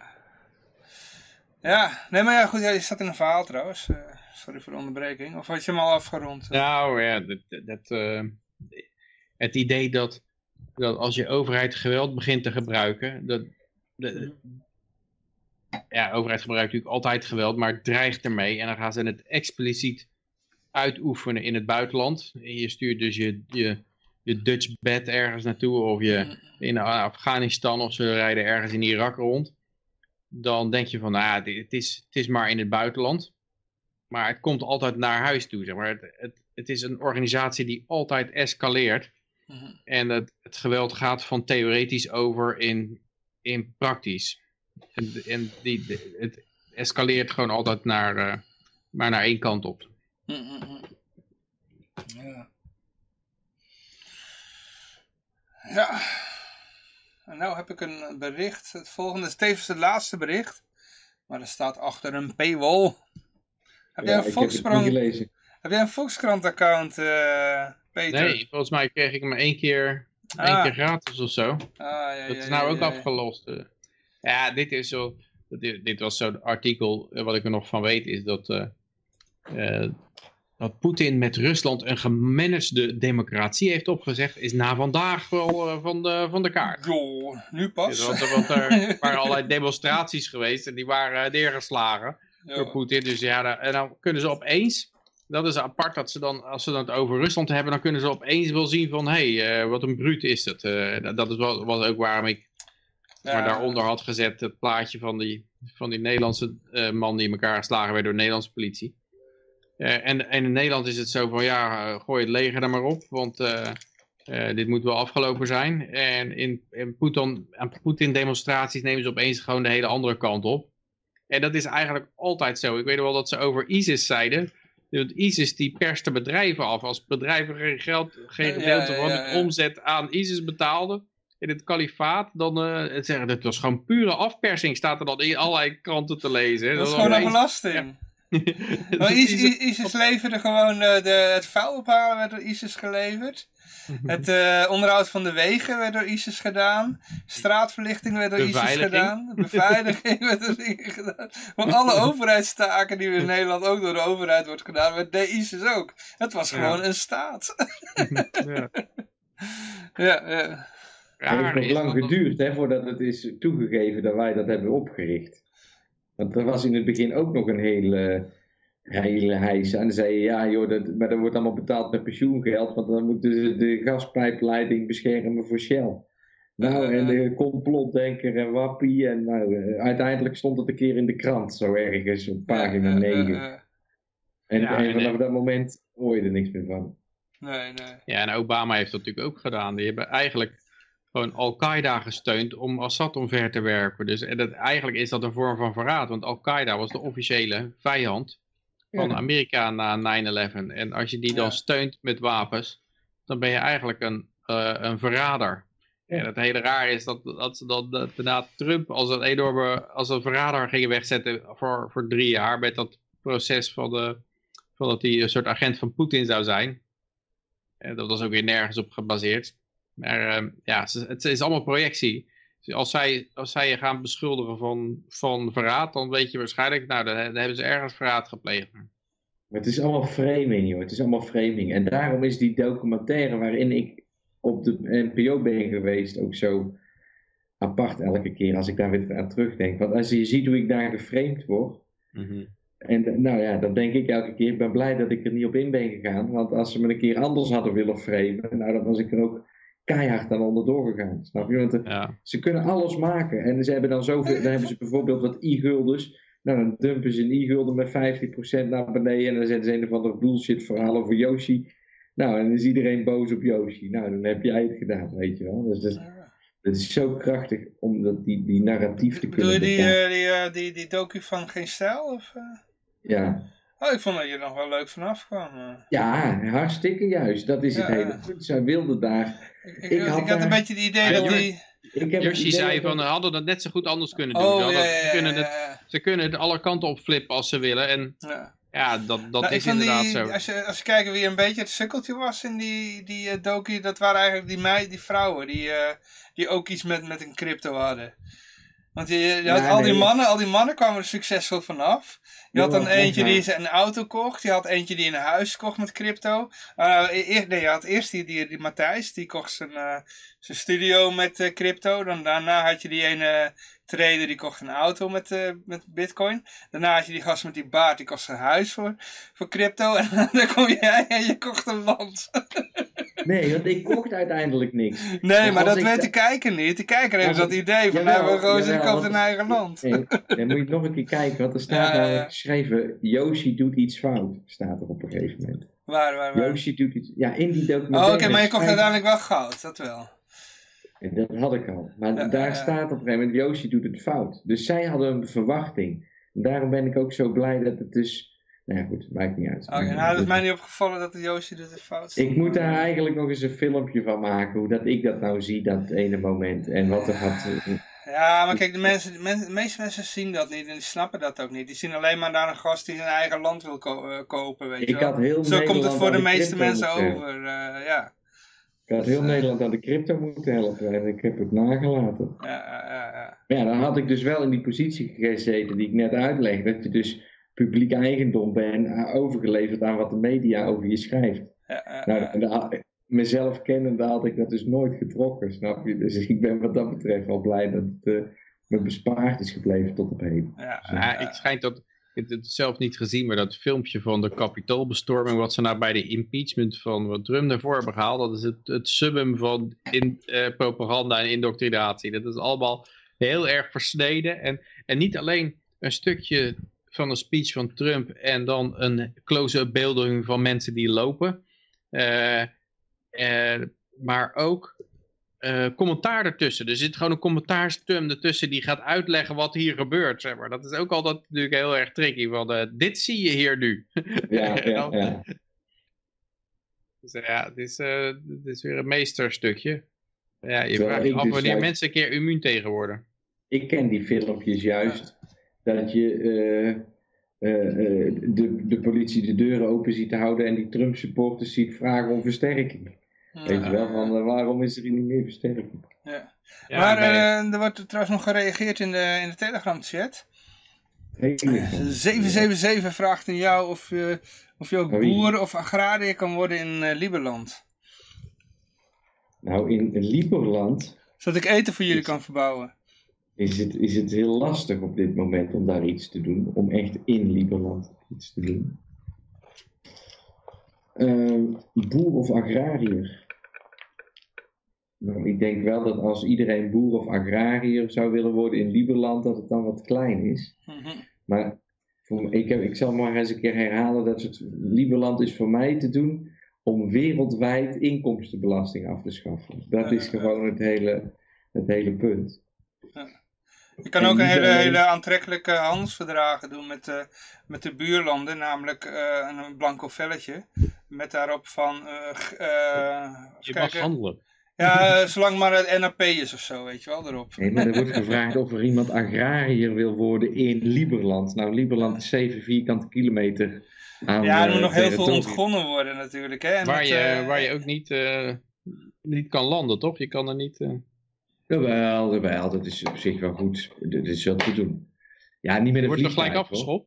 Oh, zo. Nee, maar je kan daar wel gewoon, ja, gelijk afgeschopt. Ik heb, het is me een keer gelukt in de afgelopen paar jaar, dus ze kijken niet altijd, weet je wel. Je kan Ja, wel maar landen keer- met een vliegtuig kan niet, want dat, dat, dat zelfs dat wij dan... Nee, met een eh, vliegtuig niet. Vliegtuig- Behalve, nou ja, het ligt er ook weer aan als je misschien zo'n klein sportvliegtuig of een watervliegtuigje.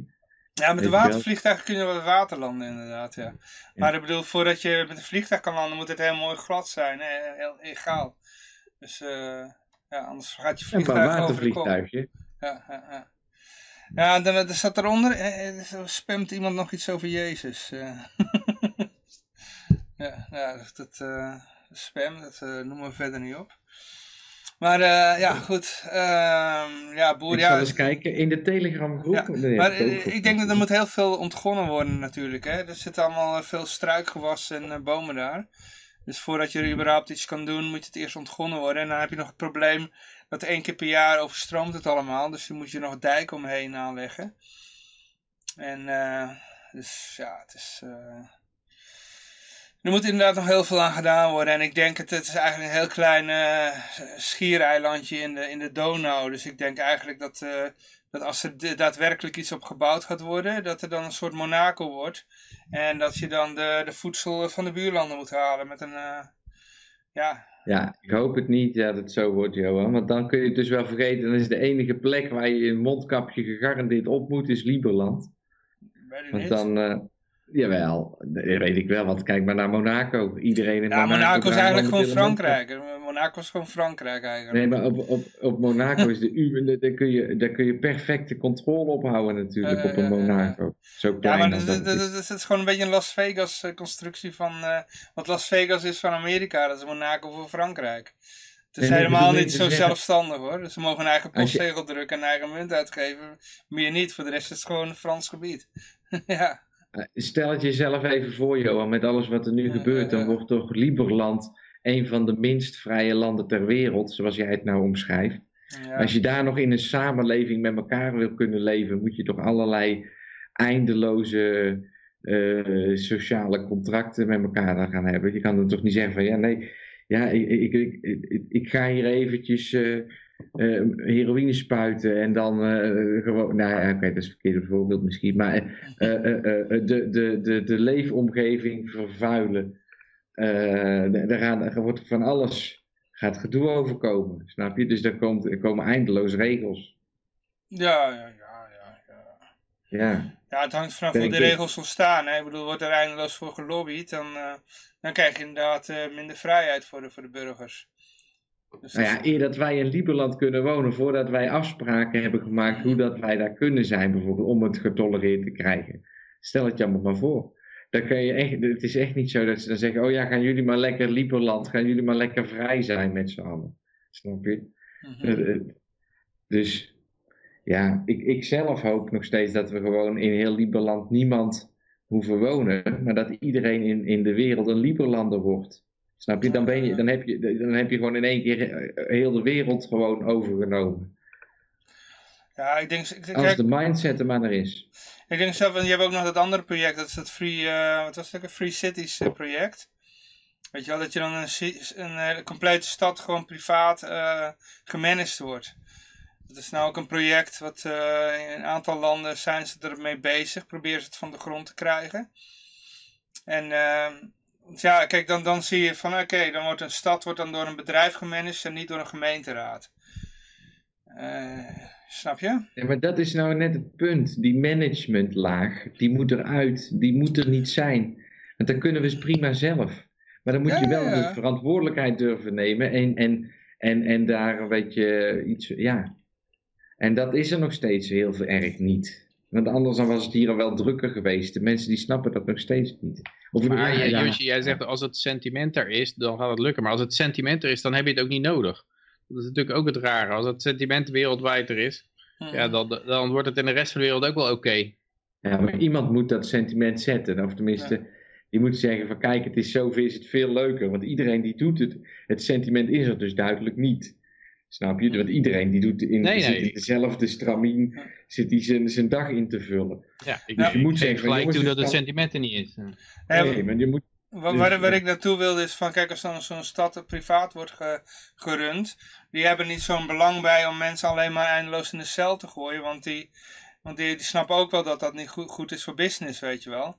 Want waarom Ja, ga je ik. mensen eh, continu in de cel gooien, terwijl ze beter gewoon productief kunnen zijn, eh, weet je wel. En het zijn Je hun gaat- eigen klanten, je gaat je eigen klanten toch ook niet in de cel gooien? je gaat op een wereldbevolking van 7 miljard burgers met een Liberland. Hoeveel kunnen er maximaal wonen? Nou, als het er 100.000 Ja, maar de hele wereld gaat er ook niet wonen, Yoshi. het gaat meer om het idee. Er is een project en als dat slaagt, dan krijgt dat een sneeuwbaleffect. Dan gaan meer mensen dat doen, snap je? En dan, dan krijg je meer van, de, en je hebt dat de Free Cities eh, project. En als het mensen zien, hé, hey, dat, dat, dat, dat werkt wel en je bent daar stukken vrijer en wordt er minder eh, lastig gevallen door een overheid. Hé, hey, eh, waarom doen we dat niet bij ons ook, weet je wel? En dat Ja. is een manier van eh, dat, dat, dat men de overheid dan een keer, een keer ook moet denken van oké, misschien doen we toch iets fout, want eh, we worden minder Dat- populair. ja. Nee, maar dat daar is daar dus geloof ik daar niet zo in. Nee, maar ja, ik denk toch wel dat ze daar wel rekening mee gaan houden. Dat ze er wel gaan denken van shit. Ze gaan misschien kijken, oké, we moeten eerst de, de, de shit eruit reguleren bij dat soort eh, dingetjes. Ja, als ze zien dat dat niet werkt, dan denken ze, ja, dat, op een gegeven moment moeten ze wel opgeven. Over het algemeen houdt het pas op als ze failliet zijn. Eh, al Ja, die, ja, al die overheden die groeien altijd door tot het economisch in elkaar stort. En ze dan ja, gewoon niet anders kunnen, zeg maar. Ze blijven doorvechten en oorlogs voeren. Ik denk, Eh, Ja, Sovjet-Unie ook. Aan het eind was er gewoon bankrupt, bankrupt zeg maar. Dan, dan is het, ja, dan is er ook voor de heersers is er niks meer te halen. Ja, En ik denk dat Amerika ook zo eindigt. En elk idee van, nou, ja, als ik maar, ja, het, het gaat wel omkeren of het komt nog weer goed of zo vanzelf. Nee, dat denk ik niet dat dat... Eh, maar ja, uit de Eh. as, as van Rusland daar is ook weer Poetin uit eh, voortgekomen. Als een phoenix van, van de staat. Ja, ik denk na zo'n collapse krijg je wel een enorme rebound inderdaad. Dat, ja, net als een, als een aandeel eigenlijk. Het crasht in elkaar. En daarna krijg je wel weer een hoop gezond verstand terug. Mm, Ja. Ik bedoel, nou in Rusland hebben ze tenminste bijvoorbeeld een 13% flat tax. Nou ja, dat is al, Mm, al een heel stuk beter. Ze hebben bijna geen buitenlandse schuld. Ze hebben een enorme goudhoeveelheid. Dus ik denk dat ze er voor een komende crisis best wel goed voor staan. Ja, ik denk dat die, die, wat zie je heel veel in, in de Balkan ook, eh, dat, dat, dat ze- de mensen daar zijn toch wat rechtser geworden. Omdat ze weten van, ja, dat, dat linkse gedoe met communisme, dat werkt niet. Daar kunnen we beter maar verder van blijven, weet je wel. Ja, Dus daarom zijn ze toch wat rechtser. En omdat, de, omdat die mensen dat vinden, ja, houden die, eh, de overheid er ook rekening mee. Want ze leven toch uit- uiteindelijk wel door de gratie van, van, van, eh, van hun burgers, weet je wel. Want ze, ze Ja, weten, eh, als, als de burgers allemaal links zouden zijn, ja, dan gaan ze ook linkse dingetjes doen. Maar als ze weten van, nou, daar is het volk niet van gediend, dan doen ze dat ook niet. ja komen ze niet meer weg inderdaad. En ik denk dat het nou heel moeilijk is om in bijvoorbeeld in de Oostbloklanden om, om weg te komen met dat, met dat eh, linkse gedoe. Omdat ja, ja. mensen die weten nog ongeveer hoe dat ruikt, hoe dat proeft, hoe dat smaakt, welke kant dat op gaat, wat voor effecten dat gaat hebben. Eh, alleen, ik denk wel dat, dat daar ook voor een gedeelte dat hele social justice eh, en gender toestand voor dient.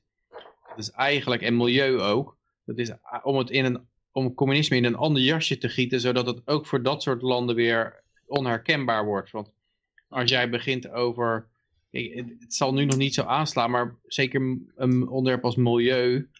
eh, ja, we hebben een, we hebben en, en een pandemie ook, is ook zoiets. Want we hebben een grensoverschrijdend probleem, milieu of pandemie. En daarvoor hebben we grensoverschrijdende oplossingen nodig. En eh, daarvoor moet jij je recht opgeven en je vrijheid. En, en ik denk dat soort dingen trappen ze eerder in dan dat je gaat zeggen, ja, de macht aan het proletariaat. Dan hebben ze iets voor, oh, wacht even. Eh, ja, en eh, geen privé- privé-eigendom afschaffen of zo. Dus, oh, wacht even, dit, dit kennen we nog. Dat Ja, krijg je er niet door daar. Maar ja, volgens mij zoekt het zich een weg naar een soort een, een verhaallijn die weer overal te implementeren is. Zeg maar, waar, waar iedereen weer een blinde vlek voor heeft. Eh, en de pandemie is wat dat betreft perfect ervoor.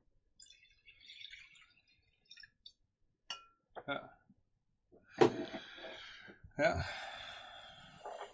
Ja, je zit in. Nederland. In, in- kijk, in, in Nederland hebben ze toch die avondklok er uiteindelijk doorgekregen, weet je wel. Ondanks dat wij nog een. Het, het Tweede Wereldoorlog, dat leeft nog een beetje bij ons, weet je wel. Dat zit nog een beetje in onze. Johan, Ja? Johan, even wake-up call. Jij gaat nooit meer aan het werk voordat jij een vaccinatie hebt gekregen. Dat is een vast. Ja, Dat zal ik bij deze, bij deze beloven. Ja, ja, ja. Nee, daar ga ik niet voor. Ik denk het niet. Ik denk dat het eh, net, net als een verhaaltje wordt als bij Mexicaanse griep.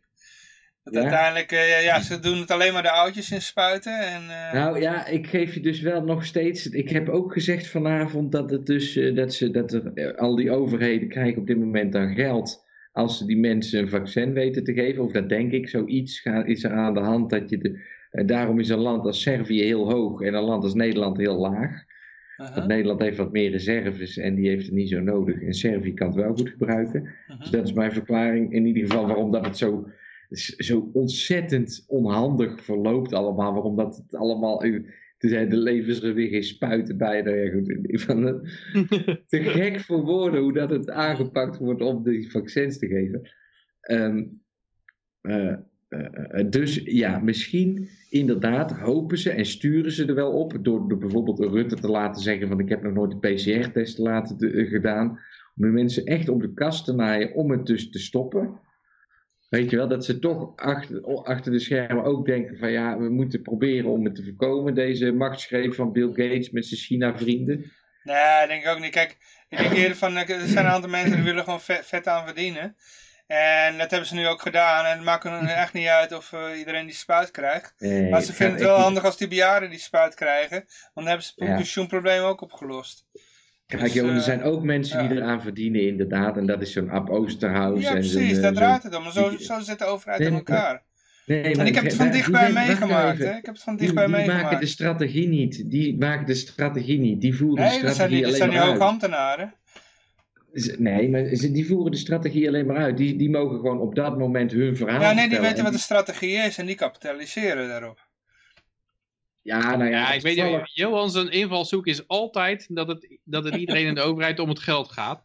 Nou, niet iedereen, maar er zit Nee, er heel veel tussen. erbij dat, dat die, er zitten veel tussen die weten hoe het werkt en die In de kapitaliseren. Hitler-toestand Was het ook zo? Was het niet om het geld. Die waren gewoon echt zeeloten die gewoon eh, al die joden willen uitmoorden. Want ze hadden ook een hele hoop geld kunnen verdienen aan die joden. Ze hadden ze, nog, ze hadden ze niet hoeven in de ovens hoeven te stoppen. Dan hadden ze ze nog uit kunnen buiten. Hadden ze een hoop geld aan kunnen verdienen. Maar hebben dat ze nog niet. geprobeerd, hebben ze nog geprobeerd, hè?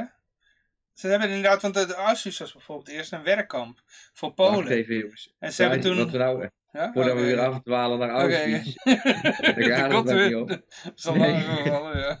Nee, maar ik- wat jij net zei, Johan, daar ga ik tegen in. Want ik denk dat het toch anders zit als hoe jij het schetst. Want die mensen gaat het gewoon niet om. De, de- die mensen, die- je hebt gelijk, de mensen die die strategie uitvoeren, zoals een Ab Osterhuis, die loopt erop binnen en die denkt Ja, ja, ja. Je hebt een heel groot Maar dat- gedeelte binnen het ambtenarenapparaat die gewoon alleen maar protocollen volgt. Dat zijn Ja, mensen is- zoals nee, mijn maar maar vader, even- die hebben maar gewoon een baan laat maar daar. heel en, even, laat maar eh, heel even. Er is een bepaalde hoeveelheid welvaart op de wereld. Uh-huh. En die moet verdeeld worden. En op een bepaalde manier gebeurt dat ook. En het is aan die mensen over wie ik het dan heb, die ik bedoel, om er een verhaaltje van te sausen, zodat er geen oorlog nodig voor is, om toch die welvaartsverschuiving te kunnen laten plaatsvinden. En soms, nou ja, meestal eh, eh, laten ze dus wel, als ze winnen, dan maakt het niet uit of er oorlog komt, maar als ze gaan verliezen, dan moet die oorlog worden voorkomen. Dus ja, daarom denk ik dat er bijvoorbeeld met zo'n vaccin ook nog een, eh, een, een kans is dat wat jij zegt, dat jij gelijk krijgt en dat dit helemaal afketst als een Spaanse griep en één grote flater. Maar persoonlijk denk ik dus van niet. En dan moet jij ooit met een vaccin en komt er ook nog een veel dodelijker virus nog op de markt dan wat we nu zien. Want dit is Ja, ik gewoon denk dat een- de trucs gaan ze gewoon om de zoveel jaren herhalen. Dat, dat, dat, griepje. weet ik zeker. Er komt gewoon, het is, het is een terug, steeds teru- terugkerende cyclus, hoe noem je dat? Ja, cyclus. Ja, het zou kunnen zijn dat het er inderdaad nog wel een keer van komt. Ik denk niet deze ronde in ieder geval. Dat ze het helemaal erdoor gaan douwen. Maar ik denk dat het wel een keer zover komt dat ze, dat ze het inderdaad eh, heel moeilijk gaan maken om er onderuit te komen. Ja. Maar ik denk dat ze, kunnen het gewoon goed, gebruiken. En zelf als dit allemaal mislukt en, en dit jaar zeggen ze van ja, we waren toch verkeerd bezig. Kijk, de gasten die het allemaal gedaan hebben, die komen er uiteindelijk toch wel goed vanaf. Die, die verdwijnen in een of andere commissie of naar de EU of zo, weet je wel. Dus die, die hebben, eh, ja, die worden toch niet gestraft. En dan eh, komt er een commissie en hebben ze ook weer eh, wat baantjes voor al die, eh voor die oud-politici, weet je wel. Die, die ze kunnen daar wegstoppen en zo. En eh, die En kunnen ook weer dat, zakken jij denkt dat, dat ze vullen. altijd om geld gaat. Zeg Maar neem nou zo'n figuur als Mag Bernie, ook, Sanders. mag ook. Ja? meer Bernie Sanders. Die gaat het volgens mij niet om geld. Ja, hij houdt er wel een, een, een, een drie, drie huizen aan over en zo. Het Maar gaat hem niet om geld. Maar het is, het is volgens mij zijn het gedreven wel ehm, eh, ja, m- meer machtsgedreven figuren inderdaad. En, en ook heel erg ideologisch van dit heb ik als idee en het moet, alles moet daarvoor wijken. Want het moet zo geïmplementeerd worden. En dat is de, de manier, de only way. En, en die zijn veel gevaarlijker dan die lui die hun zak een beetje zitten te vullen. Want die, Ja. die liften gewoon mee. Maar die, die, hebben, die hebben niet het verhaal in handen. Kijk, de, degene die het verkopen zijn degene met een ideologie. Die verkopen, die schrijven een boek, Mein Kampf of Das Kapitaal. En daarmee, en die, die praten de massa's op, dat, die zwepen het op. En er zijn natuurlijk altijd luidje, lui die de op Oosterhuisjes en zo, en die lopen lekker mee en die zeggen, oké, je kan ik aan verdienen, hartstikke idee. Maar, maar die lui aan de top, die vind ik het persoonlijk het gevaarlijkst, want die maken het mogelijk. Maar je moet niet vergeten, die NSDAP zat vol met Ab Oosterhuisjes, hè? Allemaal Ja, mensen ja. die op een eigen manier eraan proberen te... Heel veel mensen uit het bedrijfsleven zaten daar hoor. Die... En ook eh, iedereen die, die, die, die, die maar een kans zag om zijn eigen zakken te vullen. En, en, en heel veel eh, jodenbezittingen gingen dus naar die gasten toe hè. Nou, het bekendste verhaal is die, die, die grootvader van Billy Joel, hè? Die, die pianist. Soros die eh, ging dat ophalen ook, hè? Oh ja? Oké. Heb je dat nooit gehoord, dat interview? Dat Soros die, die ging eh, ehm, bezittingen van Joden confisceren. En dat hij dan zegt, dit was the best time of my life. Oh ja, oké. Het is een beetje, ja, als je, het, als je het hoort zeggen, denk je, ja, het is een beetje uit zijn verband gerukt. Als je, als je dat zo eruit knipt, van eh, ja, ik was eh, Joden aan het eh, plunderen van hun bezittingen en als kind. Maar toen was hij nog een kind, maar met zijn vader Cologne Heineken was het. En toen zei hij van ja, dat was the best time of my life. En dan kan je nog, wat hij volgens mij bedoelde is van ja, toen heb ik geleerd dat je nooit slachtoffer moet zijn of zo. Maar, dat Oh, je, ja, ja, ja. maar ja, het, hoe de, hoe, het moet het heel, het is heel makkelijk om, om, om, het, om het naar te luisteren en dat klinkt het heel slecht. Je moet heel veel moeite doen om te denken van ja, misschien bedoelde hij het ietsje anders of zo. Ja, eh, eh. nou, je had de Neckerman van eh, de Neckerman, eh, net als Weekamp, weet je wel, zo'n uh, sponsorenbedrijf. Ja. Was opgericht door een eh, NSD, prominente NSDAP-lid. En die, was, eh, die heette Neckerman en die had het bedrijf van de grootvader van Billy Joel eh geconfiskeerd. En eh, ja, die, dat kreeg hij in zijn schoot geworpen omdat hij zoveel donaties had gedaan aan de NSDAP, weet je wel. Dus, en die man is gewoon ermee weggekomen na de Tweede Wereldoorlog. Die, die, daarna heeft hij nog bij de, voor dressuurrijden heeft hij nog een paar gouden medailles na, namens Duitsland eh, gehaald.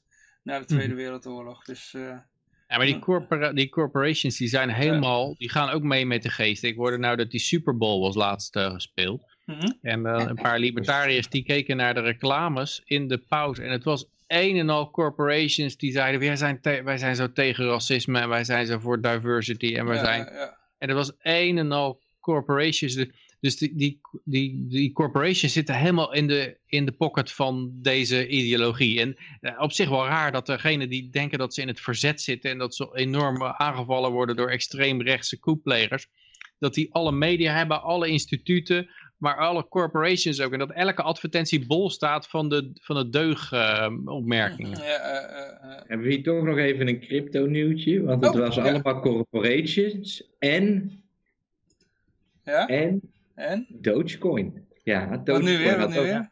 Dogecoin had 30 minuten reclame tijdens de Super Bowl. Volgens mij was het 30 se- eh, seconden, 30 seconden.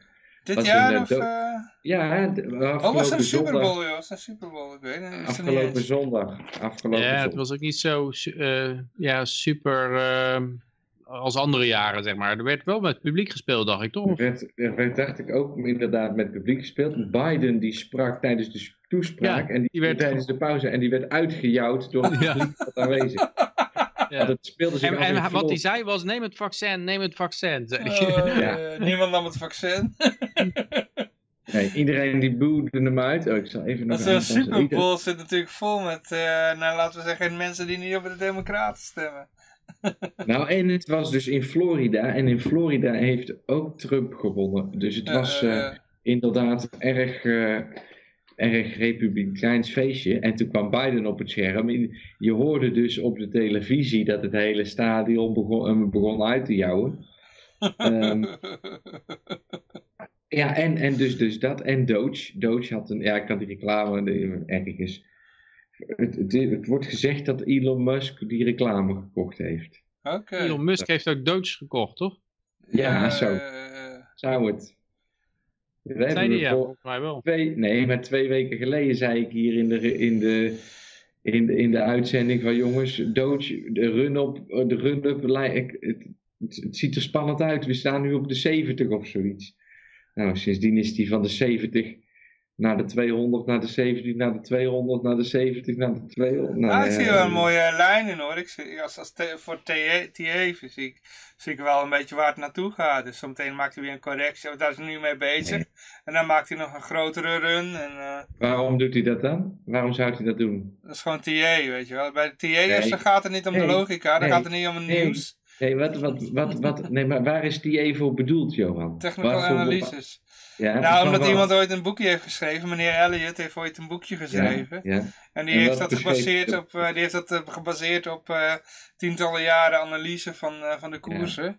Van, van wat voor koersen, van wat voor dingen Toen was nog de, koersen? aandelen, de aandelenmarkt. En wat is het verschil tussen aandelen en crypto? Vaak dat er dividend op betaald wordt en dat die bedrijven iets doen. En dat zolang dat die bedrijven dus inderdaad winst maken en dividend uitkeren, je een bepaald patroon kan herkennen. Maar dat heeft helemaal niks met crypto geld te maken. Nee, maar de- hij- in de jaren twintig was de, de, de aandelenbeurs was er gewoon hartstikke pump en dump. In Ja. cryptogeld gaat de prijs van muntjes om de hoeveelheid en de uitgiftesnelheid. Eh, En hoe meer munten, hoe lager de prijs, maar dat maakt voor de market cap niks uit. En er is ook geen garantie dat het zo is, maar dat is vaak wel het geval. En eh, doordat Doge, je hebt twee verschillende soorten cryptomunten. Je kan heel veel verschillende groepjes maken, maar laten we, ik ga er nu eentje voorgeven. mhm, Dat zijn de munten met een eindige hoeveelheid en met een oneindige hoeveelheid. mhm, mhm. En de oneindige hoeveelheid, dat is Monero en Ethereum en Doge en zo kun je het nog een hoop noemen. Ethereum eindig- gaat co- coins burnen. Die krijgt een negatieve inflatie volgend jaar, begreep ik. Ja, ik heb begrepen dat... Volgend jaar, de- maar dat kan ook nog uitgesteld worden, hè? Dat zijn we ook wel transactie- gewend met eh, Ethereum. De transactiefee wordt geburnd. En Ja. die, die wordt dus niet aan de miners uitgekeerd, inderdaad. Ehm, eh, eh, eh, en je hebt, dus, je, hebt dus je hebt de oneindige munten zoals Monero en Ethereum en Doge. En je hebt de eindige munten zoals Bitcoin en Litecoin en de e-gulden. En die hebben een, een, een, een hoeveelheid die niet meer groeit op een gegeven moment. En dus als er iedere minuut der, eh, 10.000 Doge bij komt, want dat is de inflatie hoeveelheid van Doge. Er is dus niet oneindige hoeveelheid Doge. Eh, De hoeveelheid Doge is een bepaald maximum plus 10.000 per minuut. Eh, en dat groeit dus oneindig lang. En ja, op dit moment heb je het nog niet in de gaten. Want als Elon Musk anderhalf miljard in de Doge flikkert, dan gaat de prijs omhoog. Dus ja, dan, dan denk je van nou, dat ziet er leuk uit. Maar op lange termijn verwacht ik dat door die inflatie je die twee onderscheiden kan maken. En dan, dat op lange termijn zal dus een Ethereum en een Monero en een Doge minder hoog, meer onder druk staan qua prijslevel dan een e-gulden en een Litecoin en een Bitcoin. Ja, ja, ja.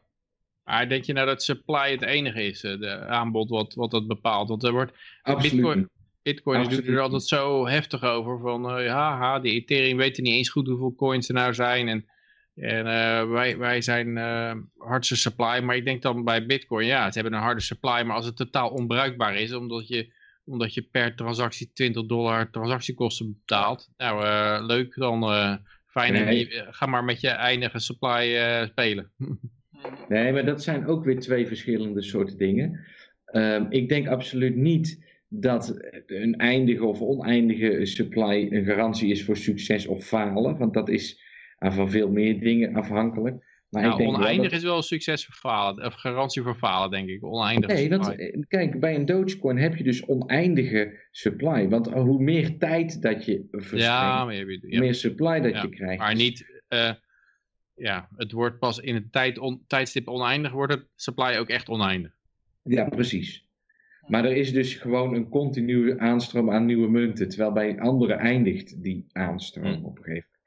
Nou, en dat is het verschil. En eh, dat hoeft geen garantie voor succes te zijn, maar dat is wel iets, als je die twee dus tegen elkaar, tegenover elkaar zet, ja, Mhm. dan, dan, dan zou daar iets mee moeten. Dan is dat een onderscheid waarin dat die twee in mijn optiek, als ik daar zo mijn mening over heb, denk ik van nou, dan zullen die munten met een eindige supply waarschijnlijk minder volume hebben tijdens het handelen, maar wel hoger eindigen in prijs dan de munten die heel veel in omloop hebben, waar de hele tijd meer van komen. En die heb je dus, dat verhandeld is meer liquide, maar die zijn en dus ook wat, wat, wat goedkoper. Ja, ik denk op lange termijn is de doos natuurlijk, kun je daar beter geen geld op gooien, dat, dat klopt.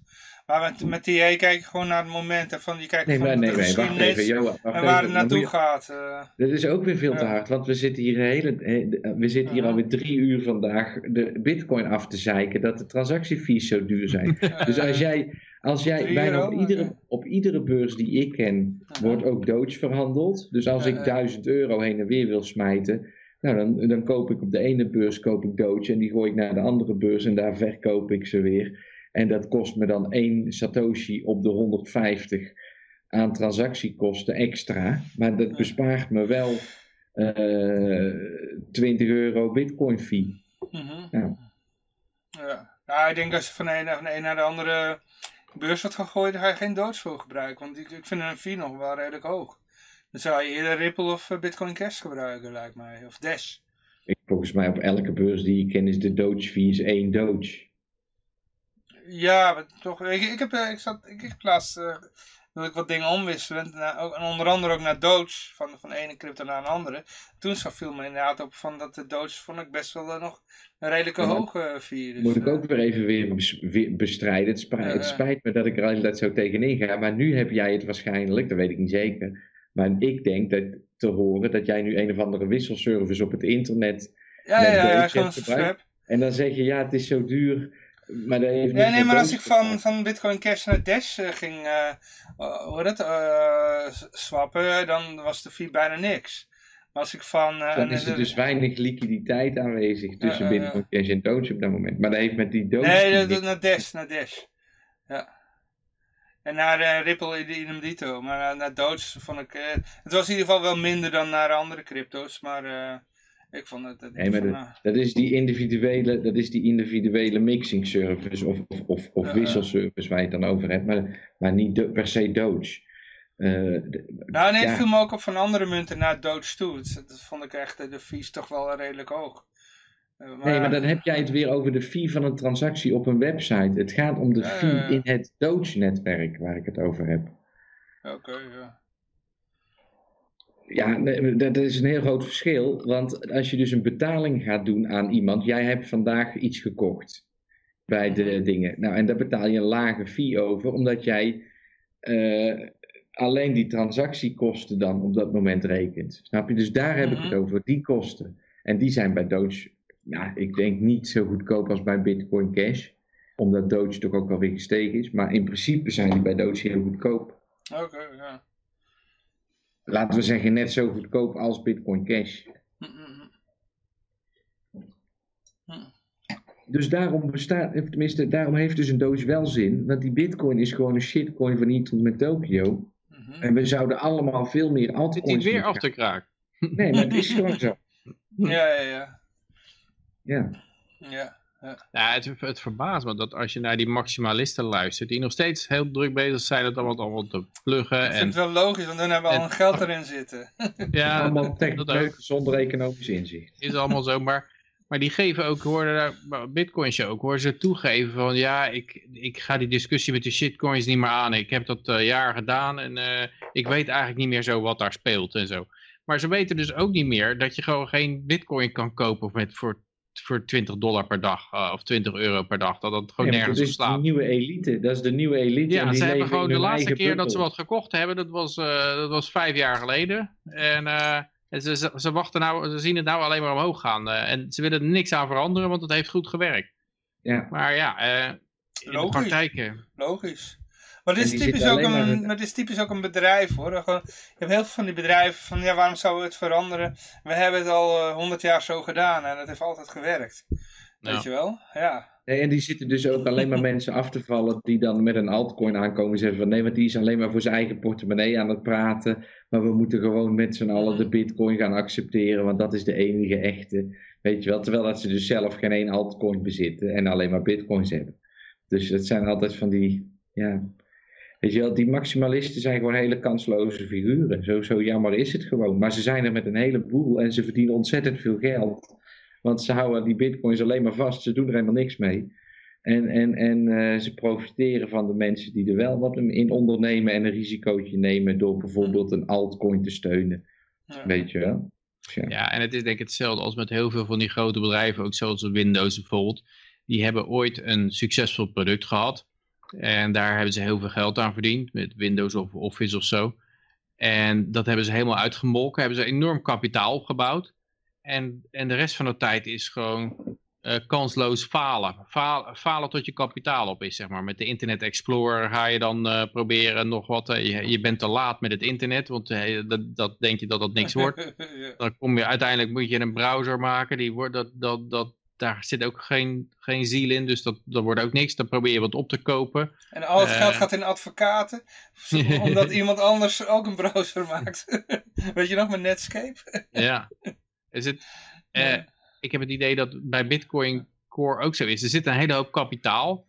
Maar omdat het nou eigenlijk eh, een, een eh, coin is die niet meer goed werkt, zitten ze dat gewoon nog een hele tijd op te oreren eigenlijk. Dat kapitaal gaat langzaam, dat wordt langzaam op. Ze, ze teren op hun re- reputatie nog. Ik denk eerder dat ze allemaal gewoon in de dollar geloven. Ze zitten allemaal op dat moment te wachten dat ze kunnen uitcashen, weet je wel. Oké, 100.000 euro, nou gaan wij uitcashen, weet je wel. Ja, ja. Ze geloven eigenlijk in de dollar. Nou, Ja, maar, nee, maar zo, wat, wat zo'n figuur dan ook zegt is van, nou, ik zie echt nog wel gebeuren dat, eh, dat de Albert Heijn net zoals eh, Tesla ook eh, bitcoin op de balans gaat zetten. Of ook dat je, dat je met satoshis kan boodschappen doen daar. Ik denk, man, ja, dan heb je er wel heel erg slecht in verdiept als je denkt dat alle Albert Heijns, dat je daar met satoshis boodschappen kan doen zonder dat die hele blockchain eh, eh, over zijn nek gaat. Nee, dat moet dan via Lightning netwerk, hè. Maar even, even, Ja, als daar ik had hij even net zijn Boris, geld van afgehaald. eh. als, als ik Boris van de Bitcoin eh, Show mag quoten.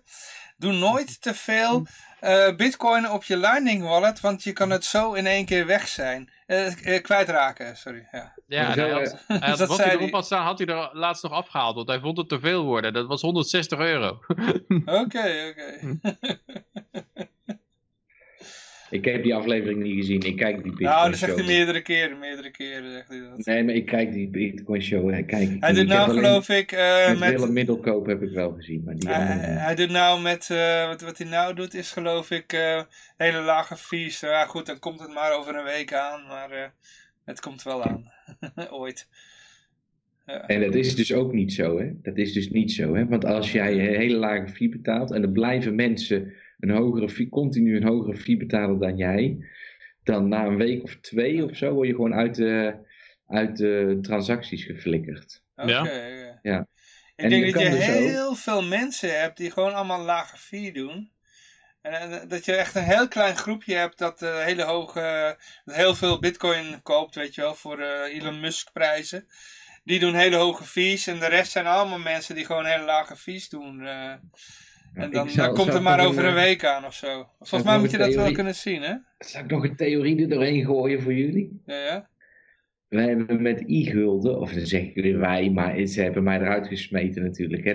Dus, Ben je ook bij de e-gulden eruit gegooid? Heb je dat nooit gelezen? Jij blijft het allemaal promoten, hè? Al die dingen waar je uitgegooid bent. Ja. Goed sympathiek. is- Dat is echt een soort messias, ben je, hè? Als het goed is, moet je het niet veranderen. Als ze jou Maar- kruisigen, blijf je het nog Nee, maar al die promoten. mensen die denken dat ik er iets over te zeggen heb. Ja? Daarom denken ze tijd van, oh, we moeten even, even, even Yoshi denouncen. Oké. Ehm, ehm, oh ja, oh ja, wacht even hoor. Ik ga eerst even, Oh, mijn wijn is op. ik ben aan die... Wat verdorie. Maar ik heb hier Oh ja, wacht. Hier, ik zal even deze... Dit is een, een statement van de Electronic Gulden Foundation. Zal ik even hier in de chat eh, bij, bij jullie gooien. Ja?